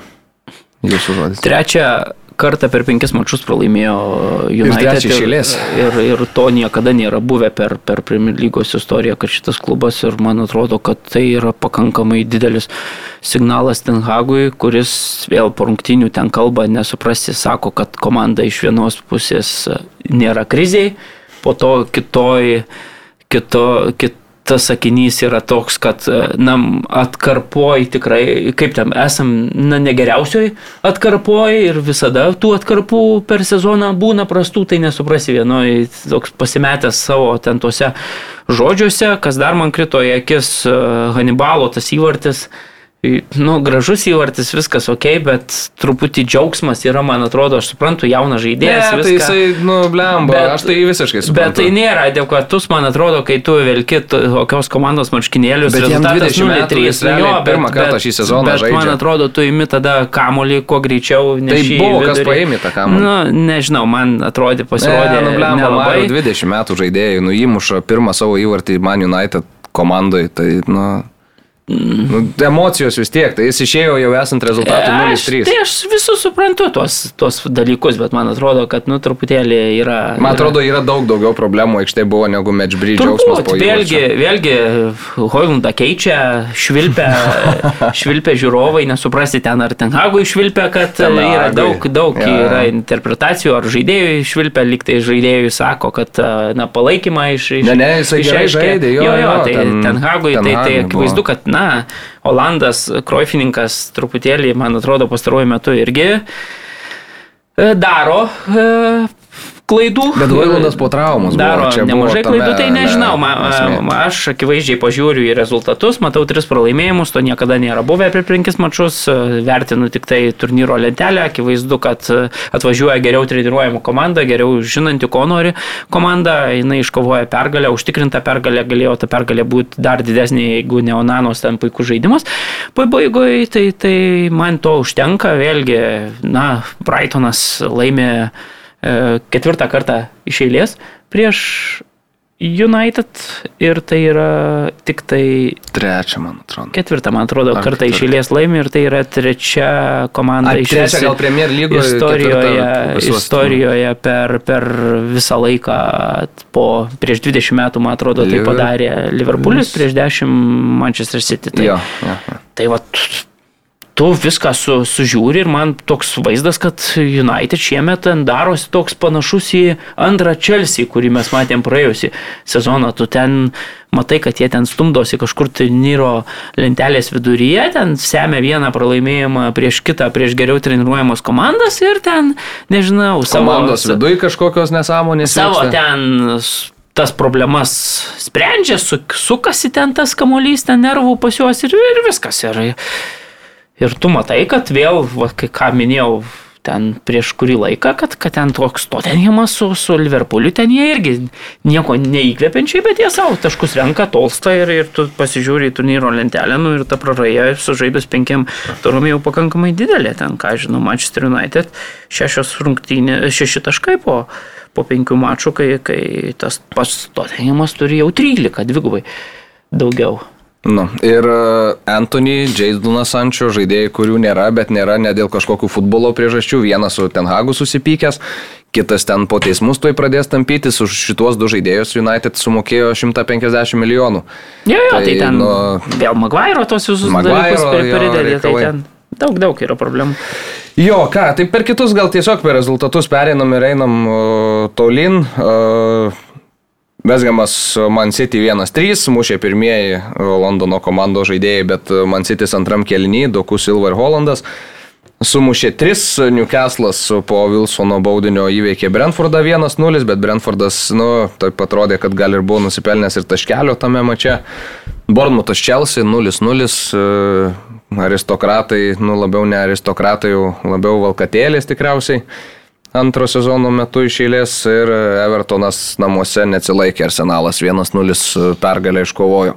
Tai va, tai kažką dar vakar, apie šitą reikalą. Vakar Gediminas mažai kabėjo Čelsio toks, na, e, palaikytojas gerbėjas e, dar prieš šimtinės, e, kuriuose inspektavo, buvo per kompiuterio ekraną, mačiau įsijungęs ir akilai stebėjau savo mėgstamos komandos Čelsio su, su Bordmutu. E, rungtinių vaizdo įrašą ir tada galiausiai, kai jau tas rezultatas toks jau gavosi, kol gavosi, taip už, užvertė tą atsidusęs kompą ir galiausiai, na, Čelsiai vėl nepavyko. Jo. Uh... Ką, Bundeslygoje dar vieną paminim tą uh, kertin, kertinės buvo rungtynės, tiek šito turo penktadienį vakare, Müncheno Bayernas, Leverkuseno Bayeris 2-2 baigėsi šiaip laukiamiausios ne tik turo, bet ir nežinau, gal mėnesio rungtynės vis tik Bundeslygoje, nes Šabio Alonso nuostabų tikrai darbą dirba Leverkusenė, o Müncheno Bayernas mes visi puikiai žinom, kas tai per komanda. Ir rungtynės tikrai buvo labai fainos, labai smagios, Keinas mušė įvartį, na, visiškai ten toks Polėjo svajonė yra tokie įvarčiai, keli metrai nuo vartų, tavęs niekas nedengia, kamuolys leidžiasi tiesiai ant galvos. Ketvirtas įvartis per keturis mačius. Taip. A, tada Grimaldo lygino rezultatą. Žaidimo eiga iki šito įvarčio vis dėlto priklausė Müncheno Bayernui, tą galim pabrėžti, bet Grimaldo šedevras, baudos smūgis, įspūdinga technika atliktas, kamuolys toks kylantis ir tada taigi besileidžiantis į patį vartų kampą, ispanas nuostabiai. Įvartį pelnė ir tada, būtent po šito įvarčio, man atrodo, jau Leverkuseno Bayeris perėmė kažkiek ir tą žaidimo kontrolę ir galbūt kažkiek ir tas psichologinis pranašumas perėjo jų pusėn. Ir Tuchelis bandė vėl kažkokius savo keitimėlius ten daryti, pakeitė jis Jozu Akimichą 60 minutę, kas šiaip Münchenė nėra visiškai įprasta. Iš Kimicho buvo paimti ir kampiniai atiduoti Lerojų Zane, kuris e, pirmas berots Bayerno žaidėjas po ketverių metų pertraukos, kuomet visą tai darė Kimichas, kuris pakėlė nuo kampinio ir tas kampinis baigėsi įvarčiu. Tai matėm, koks, koks Kimichas buvo įsišaknyjęs tose pareigose, bet e, iš jo tos pareigos buvo paimtos. Ir e, Matijas Astelis, vėl jaunas prancūzas, 18 metais pakilęs nuo solo, iš esmės sukūrė Bayernų įvartį, kuris galėjo būti pergalingas, perdavimas iš kairiojo krašto, Leonas Goretska uždaro 2-1 ir jau atrodo, kad tai bus viskas, bet uh, Alfonso Deivisas baudos, iš baudos aikštelės bėgančiam Jonui Hoffmanui kabino čiurną, iš pradžių gal netrodė viskas ten verta baudinio, bet pasižiūrėjus pakartojimą, kaip ta čiurna užlinko Hoffmanui. Blausda gal labiau, nu bet. Nu bet uh, per blausdą kabino, bet čiurna užlinko. Ir e, Zikelis Palaciosas, argentinietis, pasaulio mušė, čempionas. Pasaulio čempionas mušė įvartį 2-2 ir uh, verti buvo to bent jau taško tikrai Leverkuseno futbolininkai, tikrai nebuvo verti pralaimėjimo. Ir uh, vėlgi, ką man atrodo, gal net ir sakiau, kad Bundeslygoje būtent Leverkuseno Bayeris man atrodo, kad turėtų būti aukščiau už Dortmundą šitam sezone, o Dortmundas ir vėl šią, šią savaitę mm, nu, nebuvo labai įtikinantis. Tai Mariau, ką tu kaip Müncheno Bayerno uh, palaikytojas išsinešiai? Aš sutikčiau, kad, kad turbūt jeigu vertinant visą rungtynių 90 ten minučių ar su pridėtų laiku, turbūt, kad Leverkusenas šitą mačią buvo vertas bent jau taško. Sutikčiau su tuo, aišku, taip, kai jau viskas pakrypo ir tokį baudinį, kurį anot Müllerio sakė, nas kistokas baudinys e, ir Anglijoje tokių teisėjai nebūtų skyrę. Ir turbūt reikia sutikti, kad, na, rungtynių pabaigoje vėl, vėl jau vyksta viskas per pridėtą laiką, tai turbūt, kad, na, čia e, labiau prarado tris taškus nei, nei mhm. Bayernas, su tuo turbūt reikia sutikti.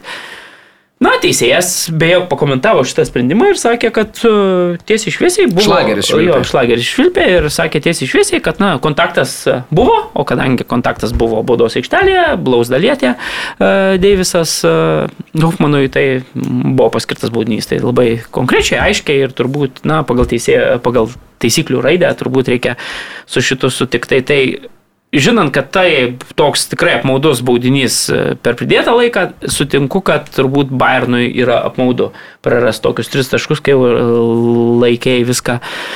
Bet reikia pagirt, kad Leverkuseną, nes pirmajame kelinyje jie žaidė fantastišką futbolą prieš komandą, kuri, na, yra e, visiškai dominuojanti Vokietijoje ir man atrodo, kad aš tokie, ten buvo atkarpa, nežinau, 20 minučių, kai visiškai atrodė Leverkusenas žymiai geresnė komanda ir aš neatsimenu Bundeslygoje, kad kas nors taip žaistų prieš Bayerną jų pačių aikštėje, taip dominuojantį tokį visiškai spaustų, visiškai kurtų progą po, po, po progos, ten jeigu net Antrajame kelinėje kažkiek jau tas žaidimas įsilygino, bet reikia vėl nepamiršti, kad ten buvo vir, Virco, pavyzdžiui, Virpstas.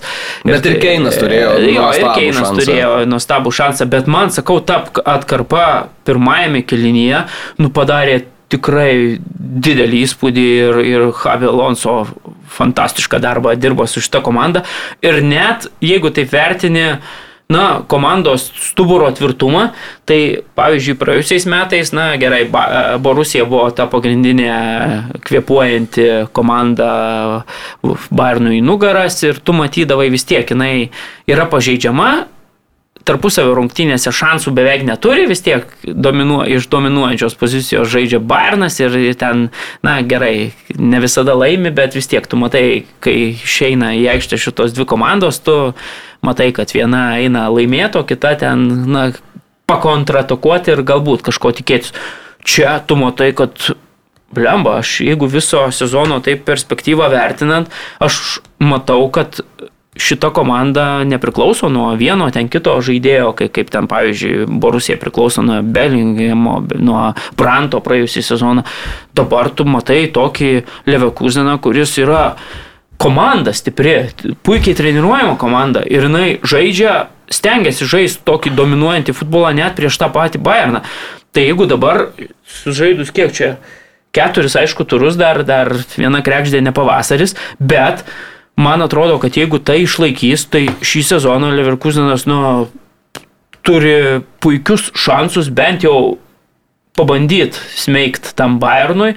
Ir man atrodo, kad, sakau, jis nepriklauso nuo kažkokių skirtingų žaidėjų, kaip vienetas, kaip tas vienas akmuo tikrai yra žymiai atsparesnė nei, nei prieš tai buvo Borusija, man atrodo. Ir, ir be jokios abejonės šiuo metu yra na, antra komanda Bundeslygoje Bent jau. Bent jau. Turbūt. Ja. Ne, nu vis tiek, žinai. Turnyro lentelė pirma dabar. Ir šiaip vertinant, vertinant net ir tų žaidėjų individualių tai potencialą, faktas, faktas. Tu, tu matai, kad Zanetė nu, nu, tikrai fantastiškai žaidžia viens prieš vieną, ten nu, tokių žaidėjų neturi, žinai, bet, bet, bet Čiaka nuostabus sezono pradžioje, ten vėl Vircas labai geros formos. Bonifacas dar susimušt galėtų. Daug labai neįmušė mm. šitam, e, šitose rungtynėse. Tai... Trijų gynėjų linija visi žaidžia kojom, visi. Jo, ir, bet iš kitos pusės vėl tu matai, žinai, ten uh, suolo gilis turbūt vėl nėra ką kalbėti. Bet turi apie... ką pakelt. Adli yra. Ne, bet viso sezono, jeigu taip vertini, nu, tai, žinai, tai faktas, tu turbūt kad... ten vis tiek kažkas va, iš tų žaidėjų mūsų minėtų gaus traumą ir ar tokia bus bekapas toks pats. Jau čia didelis yra klausimas, nu, bet... Bairnas gali Keiną ant suolo pasodinti. Bet nu, puikų darbą dirbo tikrai. Kai reikia mušti įvartį. Alonso. Freiburgas 2-4 prieš Dortmundą, Hummelsas mušė Dortmundui, tada Hioleris ir Hofleris du įvarčiai po standartų dar. Malenas lygino rezultatą, Hofleris gavo kvailą raudoną kortelę aikštės vidury ir, Bayer, ir Borusija Humelso ir Roiso įvarčiais išplėšė tris taškus, bet toks krypuojantis Dortmundas manęs absoliučiai šitą komandą neįtikina. Keliaujam gal prie... prie, prie... reiktų gal paminėti, kad 16 sezoną iš eilės Hamilsas įmušė savo įvartį. Ir tai yra tik tai šeštas žaidėjas iš vis Bundeslygoje, kad 16 sezonų išėlės. Ir pats tapo pačiu vyriausiu mm, žaidėju Borusijos istorijoje, kuris du įvarčius įmušė šitam, nu, Taip. per rungtynės. La Liga. Kas nutiko Madrido atletiko vyrams? Galit man paaiškinti rungtynėse su Valencija 3-0. Valencija šiaip a, smagi komanda, šiemet man patinka. Komentavau jau keletą kartų tokia jauna alkana, kur atrodo, niek, tarsi jai nėra kažkokie labai dėli lūkesčiai uždėti. Prieš sezoną jie kažkuria prasme gal ir over performina, bet man toks įspūdis, kad jeigu jie taip žais, tai po sezono tikrai neblogų transferų pasidarys. Tai, bet atletiko, aš nežinau, man kažkaip atrodo, kad Simeonės eros pabaiga po truputį artėja. Kažkaip, Bet jau atrodo, kažkoks seniai man šitas jausmas jau kažkaip, yra. jo, praeitą Nu, sezoną. man- ne, ne, jis, jis ne dabar Taip, atsirado. taip, jis ne dabar, bet jis ryškėja, bent jau man. Ir, ir, ir, ir šitas rungtynės teko stebėti kažkaip, nu, nežinau, kažkur tarsi iš trenerio yra tos emocijos, bet kažkur įspūdis, kad komanda iki galo netiki, nežinau. Nes na Valencija nėra kažkokia super sukomplektuota komanda, kad transferų rinkoje ten taškytis pinigais, iš esmės ne. Komanda, kuri pasakė, mes va, duosim šansą savo jaunesniems žaidėjams, akademijos auklėtiniam, tiem, kurie liko iš praėjusio sezono, nu bet 3-0 čia, čia jau taip labai stiprus rezultatas prieš Atletiko, kuri šiaip vis tiek nu, gerai besiginanti, mokanti komanda, kuri daug ką yra stačius ir vis dar stato ant tikrai stiprios gynybos. Mm -hmm. Tai mane labai nustebino šitas rezultatas, bet aš sakau, aš, aš, ar, man atrodo, kad Čiolo ta etapas po truputį kažkur artėja link finišo. Nesakau, kad dabar čia jis baigsis, pas, turbūt čia tokį žmogų tu negali nuimti vidury sezono, nežinau, nebent pralaimėtum ten 20 Jo. rungtynių iš eilės. Bet kažkaip, va, Atletiko man... Bet jie man, gali laimėti 7-0, gali... Gali, gali. 0-3, tai toks. Kaip besuksi, tai yra vis tiek tik tai pirmas pralaimėjimas šį sezoną. Tai, Taip, tai mes čia aišku kalbam pusės, ar- 3-0, Jo, bet žinai, aišku, septinta pozicija turnyro lentelė turbūt nėra ta, kurios, kurios nori treneris. Ir beje, e, Simeonė sakė, kad per daugiau nei dešimtmetį, kai jis treniruoja Atletiko komandą, čia buvo pats praščiausias jo komandos pasirodymas La lygoje. Tai va toks buvo įvertintas. Panašumų turi su Letieriu. Jo. Beje, beje, ja, aš dar apie priežastis, man ten susidarė, žinai, įspūdis, kad, pavyzdžiui, Vicelio nuleidimas į tą penktą gynėją, į tą penkto gynėjo poziciją, nu čia toks visiškai pražutinga šitą mačią, aš ten, nežinau, iš tų trijų įvačių turbūt du kokius suskaičiuočiau, kur nublemba, belgas jau jis, nu, nespėja, jūs per jau...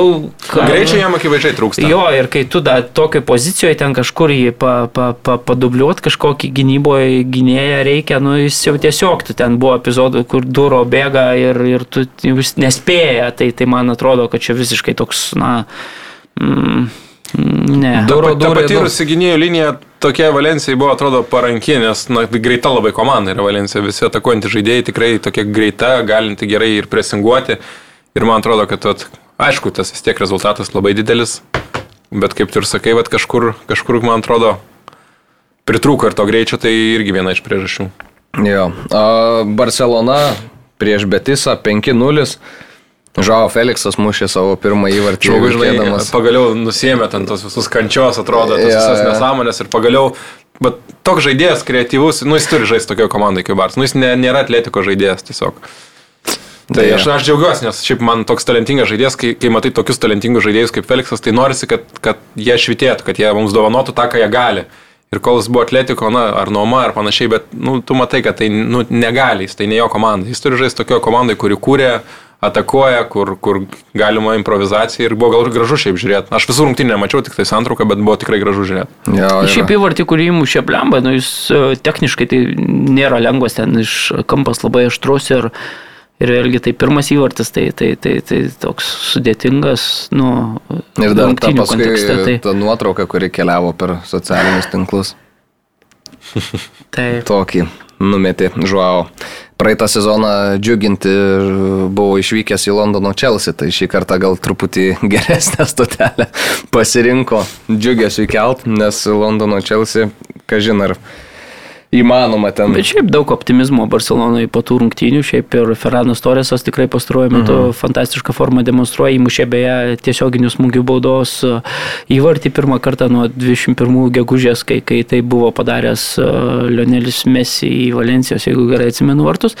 Tai mm, Vėlgi Žau Kancelų įmušė, Rafinė įmušė ketvirtą, Abu penktą įvarčią. Portugalai Abudu, įmušė, jo, abu du naujokai portugalai, tai tokio tikrai mm, entuzijazmo ir optimizmo pliūpsnis nemažas. e, Kažkur apie Barsą aš, pavyzdžiui, taip galvoju ir kad ta krizė finansinė ir, ir tie visi tos problemos, na jos turi tą ir gerąją pusę. Nes na, jie buvo priversti kažkurio metu suteikti daug šansų jauniems žaidėjams. Ir dalis iš tų jaunų žaidėjų tikrai to šansų išnaudojo. Tai aš manau, kad jeigu Barsa nebūtų susidūrus su tais finansiniam problemom, tikrai kai kurie tie jų super talentai, na jie galbūt nebūtų taip atsiskleidę ryškiai mm. ir taip anksti gavę galbūt šansų. Tai vat, jeigu tam blo, visam blogam tam mėšliai, kurie buvo patekę ir, sakykime, iš kurio dar jiems daug metų reikės dirbti, kad tos finansinius rodiklius sutvarkyti, tai vat, Nu, bet su tokiu jau žaidimu, žinai, su, su, su tiek atraktyvo puolime. Net aš, aš ką atrodo, sakau, kad, kad čia vat, į naudą jiems išėjo, kad, kad- tie jauni žaidėjai gavo Jo, jo, talentą, tai- dabar biškelį apsikopė, pasirašai tokius protingesnius galbūt transferus kažkur žaidėjus, kurių tu matai, kurių tau reikia, kurias pozicijas ir dabar labai smagiai komanda atrodo. Ir tu paimi, vadinė, tuos portugalus abu pagyrė, čia vis sakė, pagaliau abu yra ten, kur, kur matosi, kad yra patenkinti būti, jie dar prideda komandą į tos įvairovės ir reikia sutikti, kad, kad tai yra iš tiesų tiesa, aišku, kai, kai rezultatas 5-0 čia lengva kalbėti, kai visiems visiem pavyko.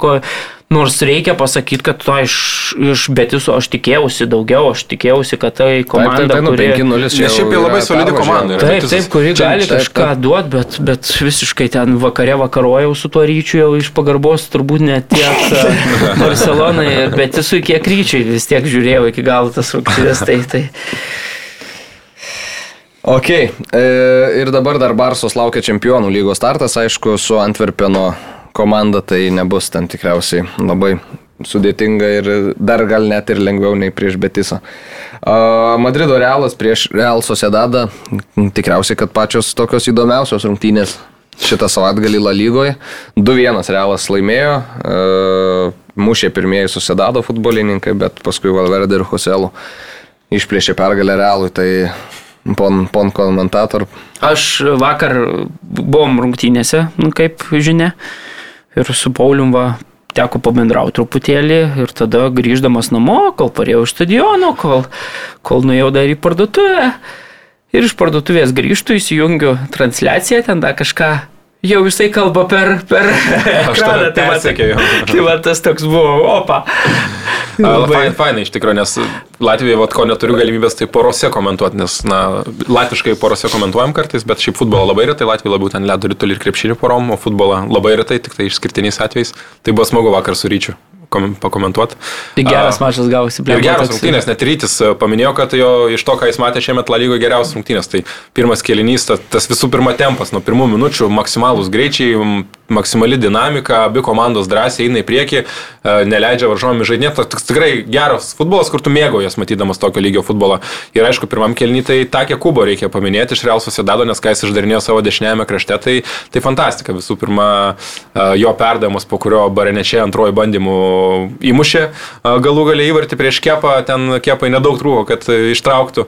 Ir, ir paskui įmušė nuostabų antrą įvartį ir visą laiką krašte eidavo, na kaip o, Franas Garcia pasitinka, padeda gynyboje jam Toni Krosas ir jis juos ten kokius tris kartus išmaudė ir, ir 12 minutę vėl juos išmaudė ir fantastiškas smūgis tolimą vartų kampą. Mes jau su ryčiu rėkiam, bet tada parodė pakartojimo ir Sabalis ten aktyviai buvo nuošalėje ir dalyvavo veiksme, trukdė vartininkui. Tai galėjo būti 2-0, paskui išsilygino, realas kažkiek perėmė iniciatyvą, bet toks tikrai labai gero tempo rungtynės ir man atrodo ten ir lygiosios galbūt būtų dėsningas rezultatas, nebuvo realas kažko daug geresnis, bet antram kelniui reikia pripažinti, kad e, realas jeigu pagerino žaidimą ir ypač Franas Garcia, kuris du perdavimus atliko, tai e, savo ruoštų Real Sociedado jau sunkiau buvo ir Kubo jau kažkiek buvo pristabdytas, gavo vieną kartą nuo Šomenį per kanopas, taip e, neblogai, paskui jau buvo pasikeitimai gynyboje vietoje Garcijos Načio, kuris kortelės neturėjo ir jau toks labiau gynybinis ir jau ten sudėtingiau buvo ir atrodo, kad tokio plano B polime nebuvo. Tai arba, arba Kubo kaip Mesis žaidžia ir, ir tempia komandą į priekį, o be jo ir, ir, ir, ir Arsabalis tokias silpnesnės rungtynės sužaidė ir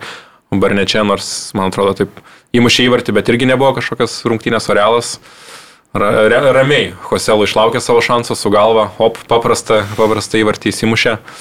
Antras įvartis jau aišku, Fede Valverdė tokį dešinę koją nuo virpsto, ten tu nieko nepadarysi. Tai šiaip, bet tikrai geros rungtynės, nes tikrai būna kartais komentuoja ir jau tu kankiniesi rungtynių pabaigoje, nes 3-0, 4-0 ir, ir, ir nieko nevyksta. O čia toks labai labai geras futbolas, tai, tai buvo smagu. Man iš vis gal šį sezoną koks matytas čia iš tų, nežinau, didžiųjų penkių lygų, dabar taip turbūt nu, daugiausiai emocijų ir, ir taip gražiausios turbūt rungtynės šitas buvo, nes šiaip realas uh, jeigu aš ten pirmus tos, kiek čia dabar sužaisti, penktas turas, turas.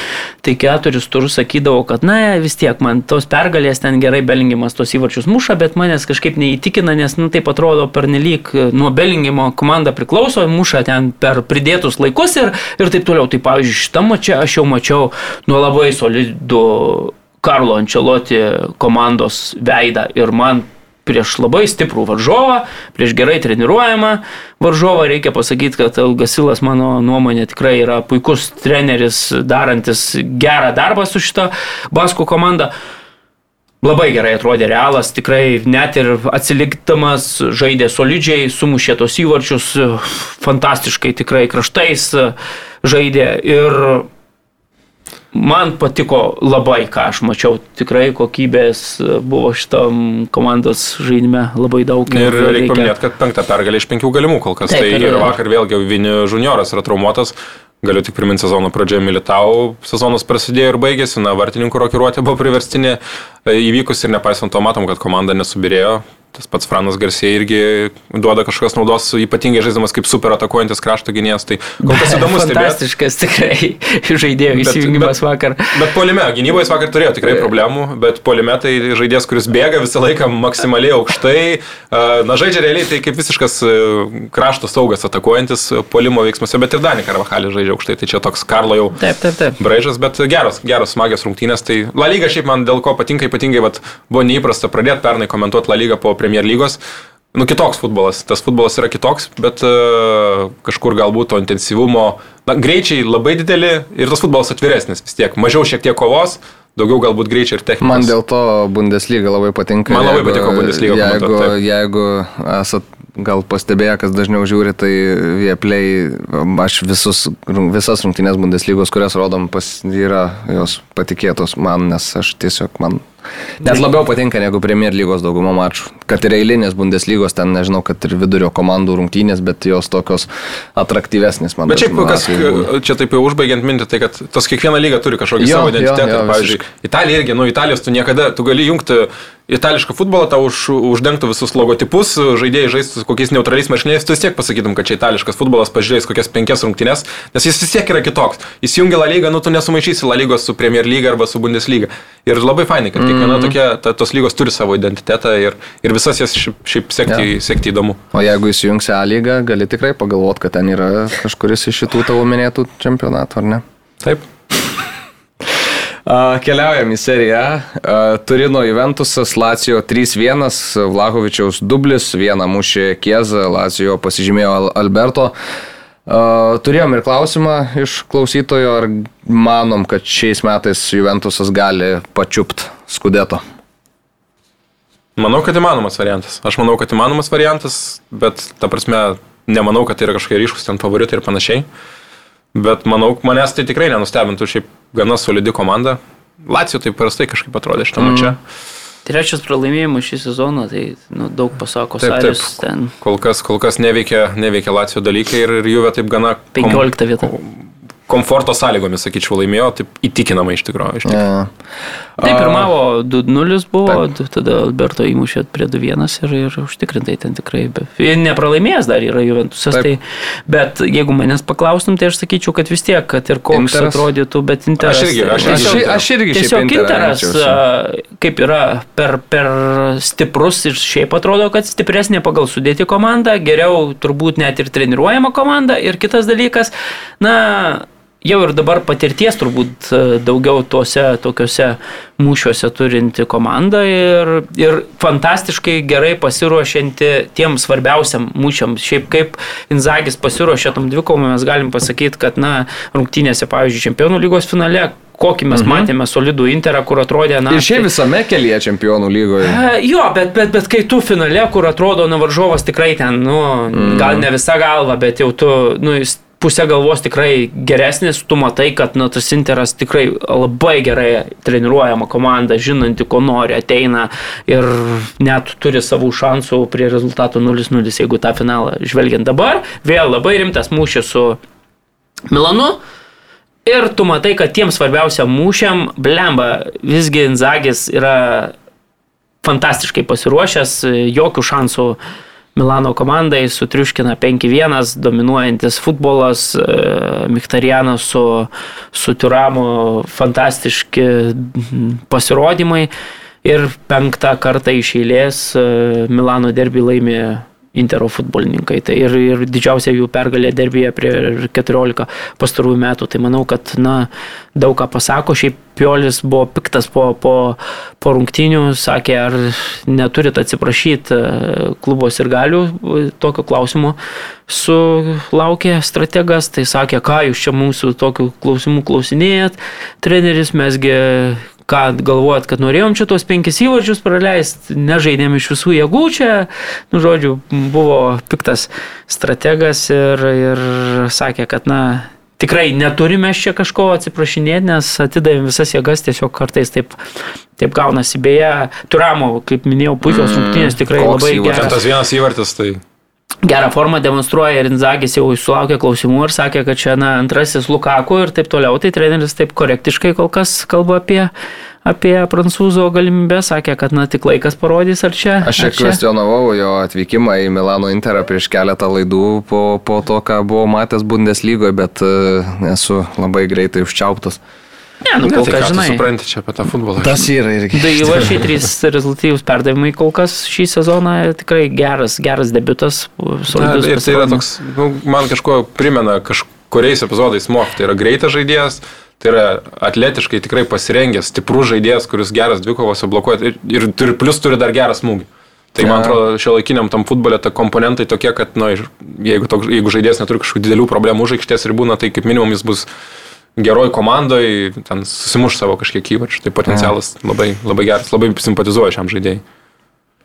Viena kryptis eismas buvo Milano derbė, aišku, ne- nelabai ne kas tikriausiai to tikėjomės ir e, dar keliarios rungtynės Genoje su Napoli 2-2, o Roma. Prie 0-2 reikia pasakyti, Jo, kad jo, pa, pasigelbėjo čempionai, prieš rezultato 0-2 sugebėjo ištraukti taškiuką. O Roma Empoli 7-0 su... su, su...